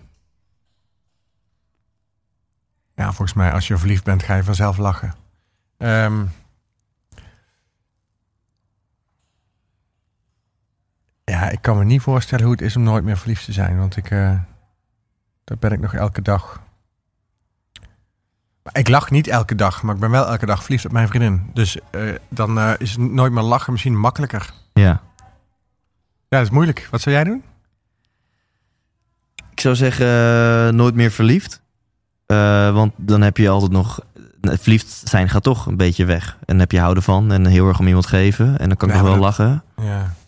Dus voor verliefd is er een, is er een goed, goed substituut. Voor, voor lachen niet. Ja, nee, ja, nee, ja, weet ik niet. Ik, ik, ik kan dat gevoel toch eh, gewoon echt nog terughalen hoor. Echt nog heel erg. Gewoon, Ja. Ik ben het nog echt lang, nog lang niet kwijt. Ja, nou dat is heel mooi. Ja, dat is gewoon een, het moeilijke van Carlijn. Dus ik ja. bedoel ook verliefd op het leven. Verliefd op gewoon Ja, een bepaalde... ja. eh, Maar je moet nu kiezen. Ja, nee, dan nooit meer lachen. Ja, nooit meer lachen. Oké. Mijn vriendin wint het gewoon. Ehm, Marco die vraagt nooit meer materiaal schrijven of nooit meer optreden. Nooit meer optreden. Want ik vind eh, het schrijven en het bedenken steeds leuker. Wauw, vind ik een interessant antwoord. Anouk, eh, en dit is dan de laatste nooit meer variant, die zegt nooit meer vegetarisch eten. Dus ik, ja, ik weet niet wat dat inhoudt, Mhm. dat je voortaan altijd vlees moet eten. Ja. Dus nooit meer vegetarisch eten of nooit meer grappen maken. Dus je mag nog wel grappen maken, maar dan moet je voortaan vlees gaan eten. Of als je vegetariër blijft, mag je geen grappen meer gaan nee, maken. dan, dan, dan ehm, Oh ja, ik mag nooit meer vegetarisch eten. hè. Ik moet elke dag vlees gaan eten. ja, dat is dan eigenlijk wat er staat. Ja. Nee, kijk, als ik mijn principe zou moeten opgeven... en ik moet per se één keer per week vlees eten om grap te mogen maken... dan zou ik er wel voor over hebben. Maar elke dag vlees eten... Nee, ja, fuck it. Ik wil wel grappen blijven maken trouwens. Nou, dan maar een, eh, een kip eh, of een zalmpje erin elke dag. Ja, ik zou, wel, ik zou wel echt gaan opzoeken hoe ik dat dan zou moeten doen. Ja. Kijken of dan misschien... eh, Of insecten of zo, dat je ja, enigszins ja duurzaam... of, of ze- zelf je kalfje slachten... waarvan je ziet dat hij een jaar in de heeft gestaan Ja. of zo. Oké, we gaan snel door in het, in het kader van vegetarisch eten. Zegt Elke, eh, seitan of tofu? Ik weet niet wat seitan is, maar dat, Dat weet ik ook niet. weet je ook niet. Nou ja. Dan eh, wordt het automatisch tofu. Carlijn die vraagt... Maar ik ga dadelijk... Hoe heet ze? eh, Elke, en zij Elke, was ik volgens ga mij ook... dadelijk Ja? meteen googlen. Oké, Seitan. seitan, ja. Eh Carlijn die vraagt cabaretvoorstelling of masterclass? Ja, daar kies ik echt niet.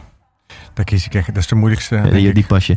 Eh, ja, ik, ik vind die master. Nee, ja, laten we het hebben. We leven nu. Vanavond is de masterclass. Dan kies ik masterclass. Kirsten vraagt theatertournee of radioprogramma? Theatertournee. Mariska vraagt boomklimmen of cliffhangen? Ik, ik, ik zou deze vraag aan jou willen stellen: radioprogramma of theatertournee? Want jij maakt, ja, maar Ja, je, maakt, 100%. je maakt nu podcasts. Ja, en om heel eerlijk te zijn is de, de incentive, dus de reden om deze podcast te beginnen, was puur eh, personal branding. Ja. Klinkt een beetje spannend om dat nu zo te zeggen, Ja. maar het was gewoon zo. Ik dacht van, ik, ik ook vond, ik heb een best oké theaterprogramma, Ja. maar hoe de fuck is Thijs Lindhout? Ik was Ja. er heel erg bewust van dat... En na drie keer voor ehm, familie en vrienden te hebben gestaan, wat één eigenlijk gewoon helemaal kut is. Ja. Ik heb, vind het super lief van ze dat Ja. zijn gekomen, maar het is als artiest niet zo. Nee, die staan een beetje uit fatsoen. ik weet nog wel dat ik dan, ik doe in mijn Ja. show natuurlijk ook wel dingen met publiek. En dat ik echt zo de zaal aan het scannen was. Waar zit iemand die ik niet ken? Ja, ja. Nou, dus na drie keer voor vrienden en familie gespeeld te hebben, dacht ik, dit moet anders. En toen ben ik die podcast begonnen. Van, nou, misschien gaat het wel bijdragen aan mijn branding. Hè? Word ik bekend of zo in ieder geval. Of- Super slim. En eh, twee jaar later, eh, dus dat was een paar maanden geleden, was het moment van de waarheid. Want Mhm. na twee jaar lang iets wat ik het leukst vind om te doen, mijn theatershow in de kast heb gezet, heb ik hem weer uit de kast gehaald. En in mijn podcast heel voorzichtig, ja jongens, ik doe weer een Mhm. theatershowtje en dat hoeft niet hoor, maar je mag Ja. kaartjes kopen. En dat was toen uitverkocht. Toen werd Ja. ik zenuwachtig en toen plande ik een try-out. En ik dacht, nou als daar twaalf mensen zitten, kan ik een try-out doen. En die was die try-out ook uitverkocht. Ja. Dus het is heel cool dat het nu Ja, dat is toch eh, te gek? uitvouwt. Ja. Ehm, en, en theater is, is voor mij 200% passie. En deze podcast vind ik super leuk. Is 100% en ik vind, eh, Thijs. is 100%, ja. Ja. Eh, de, de, eh, en ik ben gaandeweg, heb ik wel gemerkt, ja. ehm, ik vind het en super leuk om mensen te ontmoeten. Mhm. Dat ik nu jou ontmoet en met jou een Ja. goed gesprek heb. En het is handig voor mijn netwerk. Ja. En het, het lukte. Mensen gingen luisteren. Ja. Eh, maar als ik moet kiezen, is het absoluut dat theater. Ja. Ja, ja, dat is het mooie. We hoeven niet te kiezen. Hè? Ja, dat, is, dat is dat lekker. Ja. Eh, kun, kun je er nog twee aan? Twee of drie? Ja. Ehm, Mariska, ja, die, die vroeg boomklimmen of cliffhangen. die is creatief. Ja, ik, ja dat vind ik, dat vind ik, ik vind hem gewoon taalkundig vind ik hem al prachtig. Ehm, ja, kijk, cliffhanger is natuurlijk mooi om mensen achter te laten met een vraag. Oeh, wat gaat er nu gebeuren? Maar ik was vroeger heel goed in boomklimmen. klimmen. Ik ben echt een soort, mijn lichaam is een soort apenlichaam. Ik kon elke boom in en ik kwam het hoogste van de klas. Dus eh boomklimmen vind ik gewoon leuk om te doen. Cliff, eh, cliffhanger vind ik dan wel weer spannender of zo. Eh, boomklimmen klimmen ligt mijn talent meer, denk ik. Kijk, dus dan wordt het boomklimmen. Ja. ja. Bianca, grappig of serieus? Nou, kies nu grappig. Met meteen de opmerking erachteraan. Gelukkig hoeven we dat niet te kiezen. Ja. Hè, bij mijn voorstellingen vind ik het zo fijn dat ik nu een soort vorm heb gevonden waarbij ik heel makkelijk kan schakelen tussen een grap en tussen iets serieus. En dan de laatste, dat is gewoon een hele lekkere van Sofia om je af te sluiten. Zelf overbehaard zijn of voor de rest van je leven vrouwen, vrouwen moeten doen die overbehaard zijn? Zelf overbehaard zijn dan. Ja? Ja, nee, dan- Die mag je toelichten. Nou ja, he- heel simpel. Als ik nou zelf overbehaard ben eh, en ik mag dan, eh, eh, en, en mijn vriendin is het dan niet, ja, dan, eh, dan ben ik blij. En als mijn vriendin dat dan accepteert, dan ben ik super blij. Ehm, maar als zij overbehaard is, ja, dan zit ik ermee. Weet je, dus eh, dat is heel eh, egoïstisch. Maar sterker nog, ik denk dat mijn vriendin zelf ook liever heeft Ja, oké. dat ze niet overbehaard is. Dus ehm, nee, dan, dan, dan eh, ga ik wel eh, eh, met, met die last lopen. Ja. We, we kunnen het even aan haar vragen. Ja. Ehm, we, we, we zijn klaar. Een 1 uur en 25 minuten vlogen voorbij. Zo. Is er een vraag, Guido, die ik had moeten stellen, maar niet gesteld heb? Nee, ja, we hadden het nog kunnen hebben over reizen, over duurzaamheid, over, over van alles. Ongekend hoeveel Ja. eh, gezamenlijke interesses wij hebben. Ja, nou ja, maar het is ook, ik vind je, ja, ik volg je niet voor niks natuurlijk. En, en het allerleukste vind ik, de, dit moeten mensen maar eens opzoeken op YouTube, de voorbereidingen voor jouw voorstelling, voor jouw eerste show. Ja, 100% Thijs. Oh, dat, eh, dat filmpje. Ja, vind ik ook leuk dat eh, hier ga ik optreden en hier ga ik. ja. Oh, oh die. Vond bijna in, een soort, in, soort schattig. in eh, Boom Chicago. Die? ja, ja. Oh, god, ja. Zo weer een tijdje. Ja, maar dat, is, was dat de- is wel hoe je begint. Hoe iedereen moet beginnen. Weet je, zelf een zaaltje afhuren en dan maar gewoon gaan doen. Komen mensen na afloop van een voorstelling naar ze toe. Ja, ik wil cabaretier worden. Heb je tips? Ehm, ja, heb je al wel eens opgetreden? Nee, daar eigenlijk nog niet. Nou, begin daar eens mee. Schrijf vijf dingen op die je irriteren. Schrijf vijf dingen op die je, waar je passie voor hebt. En, en, en, eh, en maak er een voorstelling van. Ja. Ja, eh, Ja, begin maar eens. Ja. En j- jij bent begonnen. Dat vind ik wel heel eh, tof. ja, dat is iets wat ik dan wel eh, in me heb. En dat is denk ik een van de ingrediënten ook die je wel nodig moet hebben om op dit gebied succesvol te worden. Dat Ja. je gewoon scheid hebt en gaat. En dan gewoon in beweging Ja. kom, je, kom je veel meer vooruit dan, dan in, in je kop blijven malen. Ja, het is ook veel makkelijker skiën als je al een beetje vaart hebt, hè? Ja. Van, eh, als je zo super Ja. traag gaat, dan flikker ik altijd op mijn muil. Maar als ik gewoon hard ga, dan... eh, Maar als ik nu terugdenk, en dat heb jij, je hebt denk ik ook wel dat soort momenten, denk ik, hoe heb ik het gedurfd, man? Hoe heb ik vier, drie jaar geleden gewoon gedacht? Ik heb ik eerst Carré gebeld. Ik Ja. zei, eh, kan ik jullie boeken? Nou, dat bleek complexer te zijn dan ik dacht.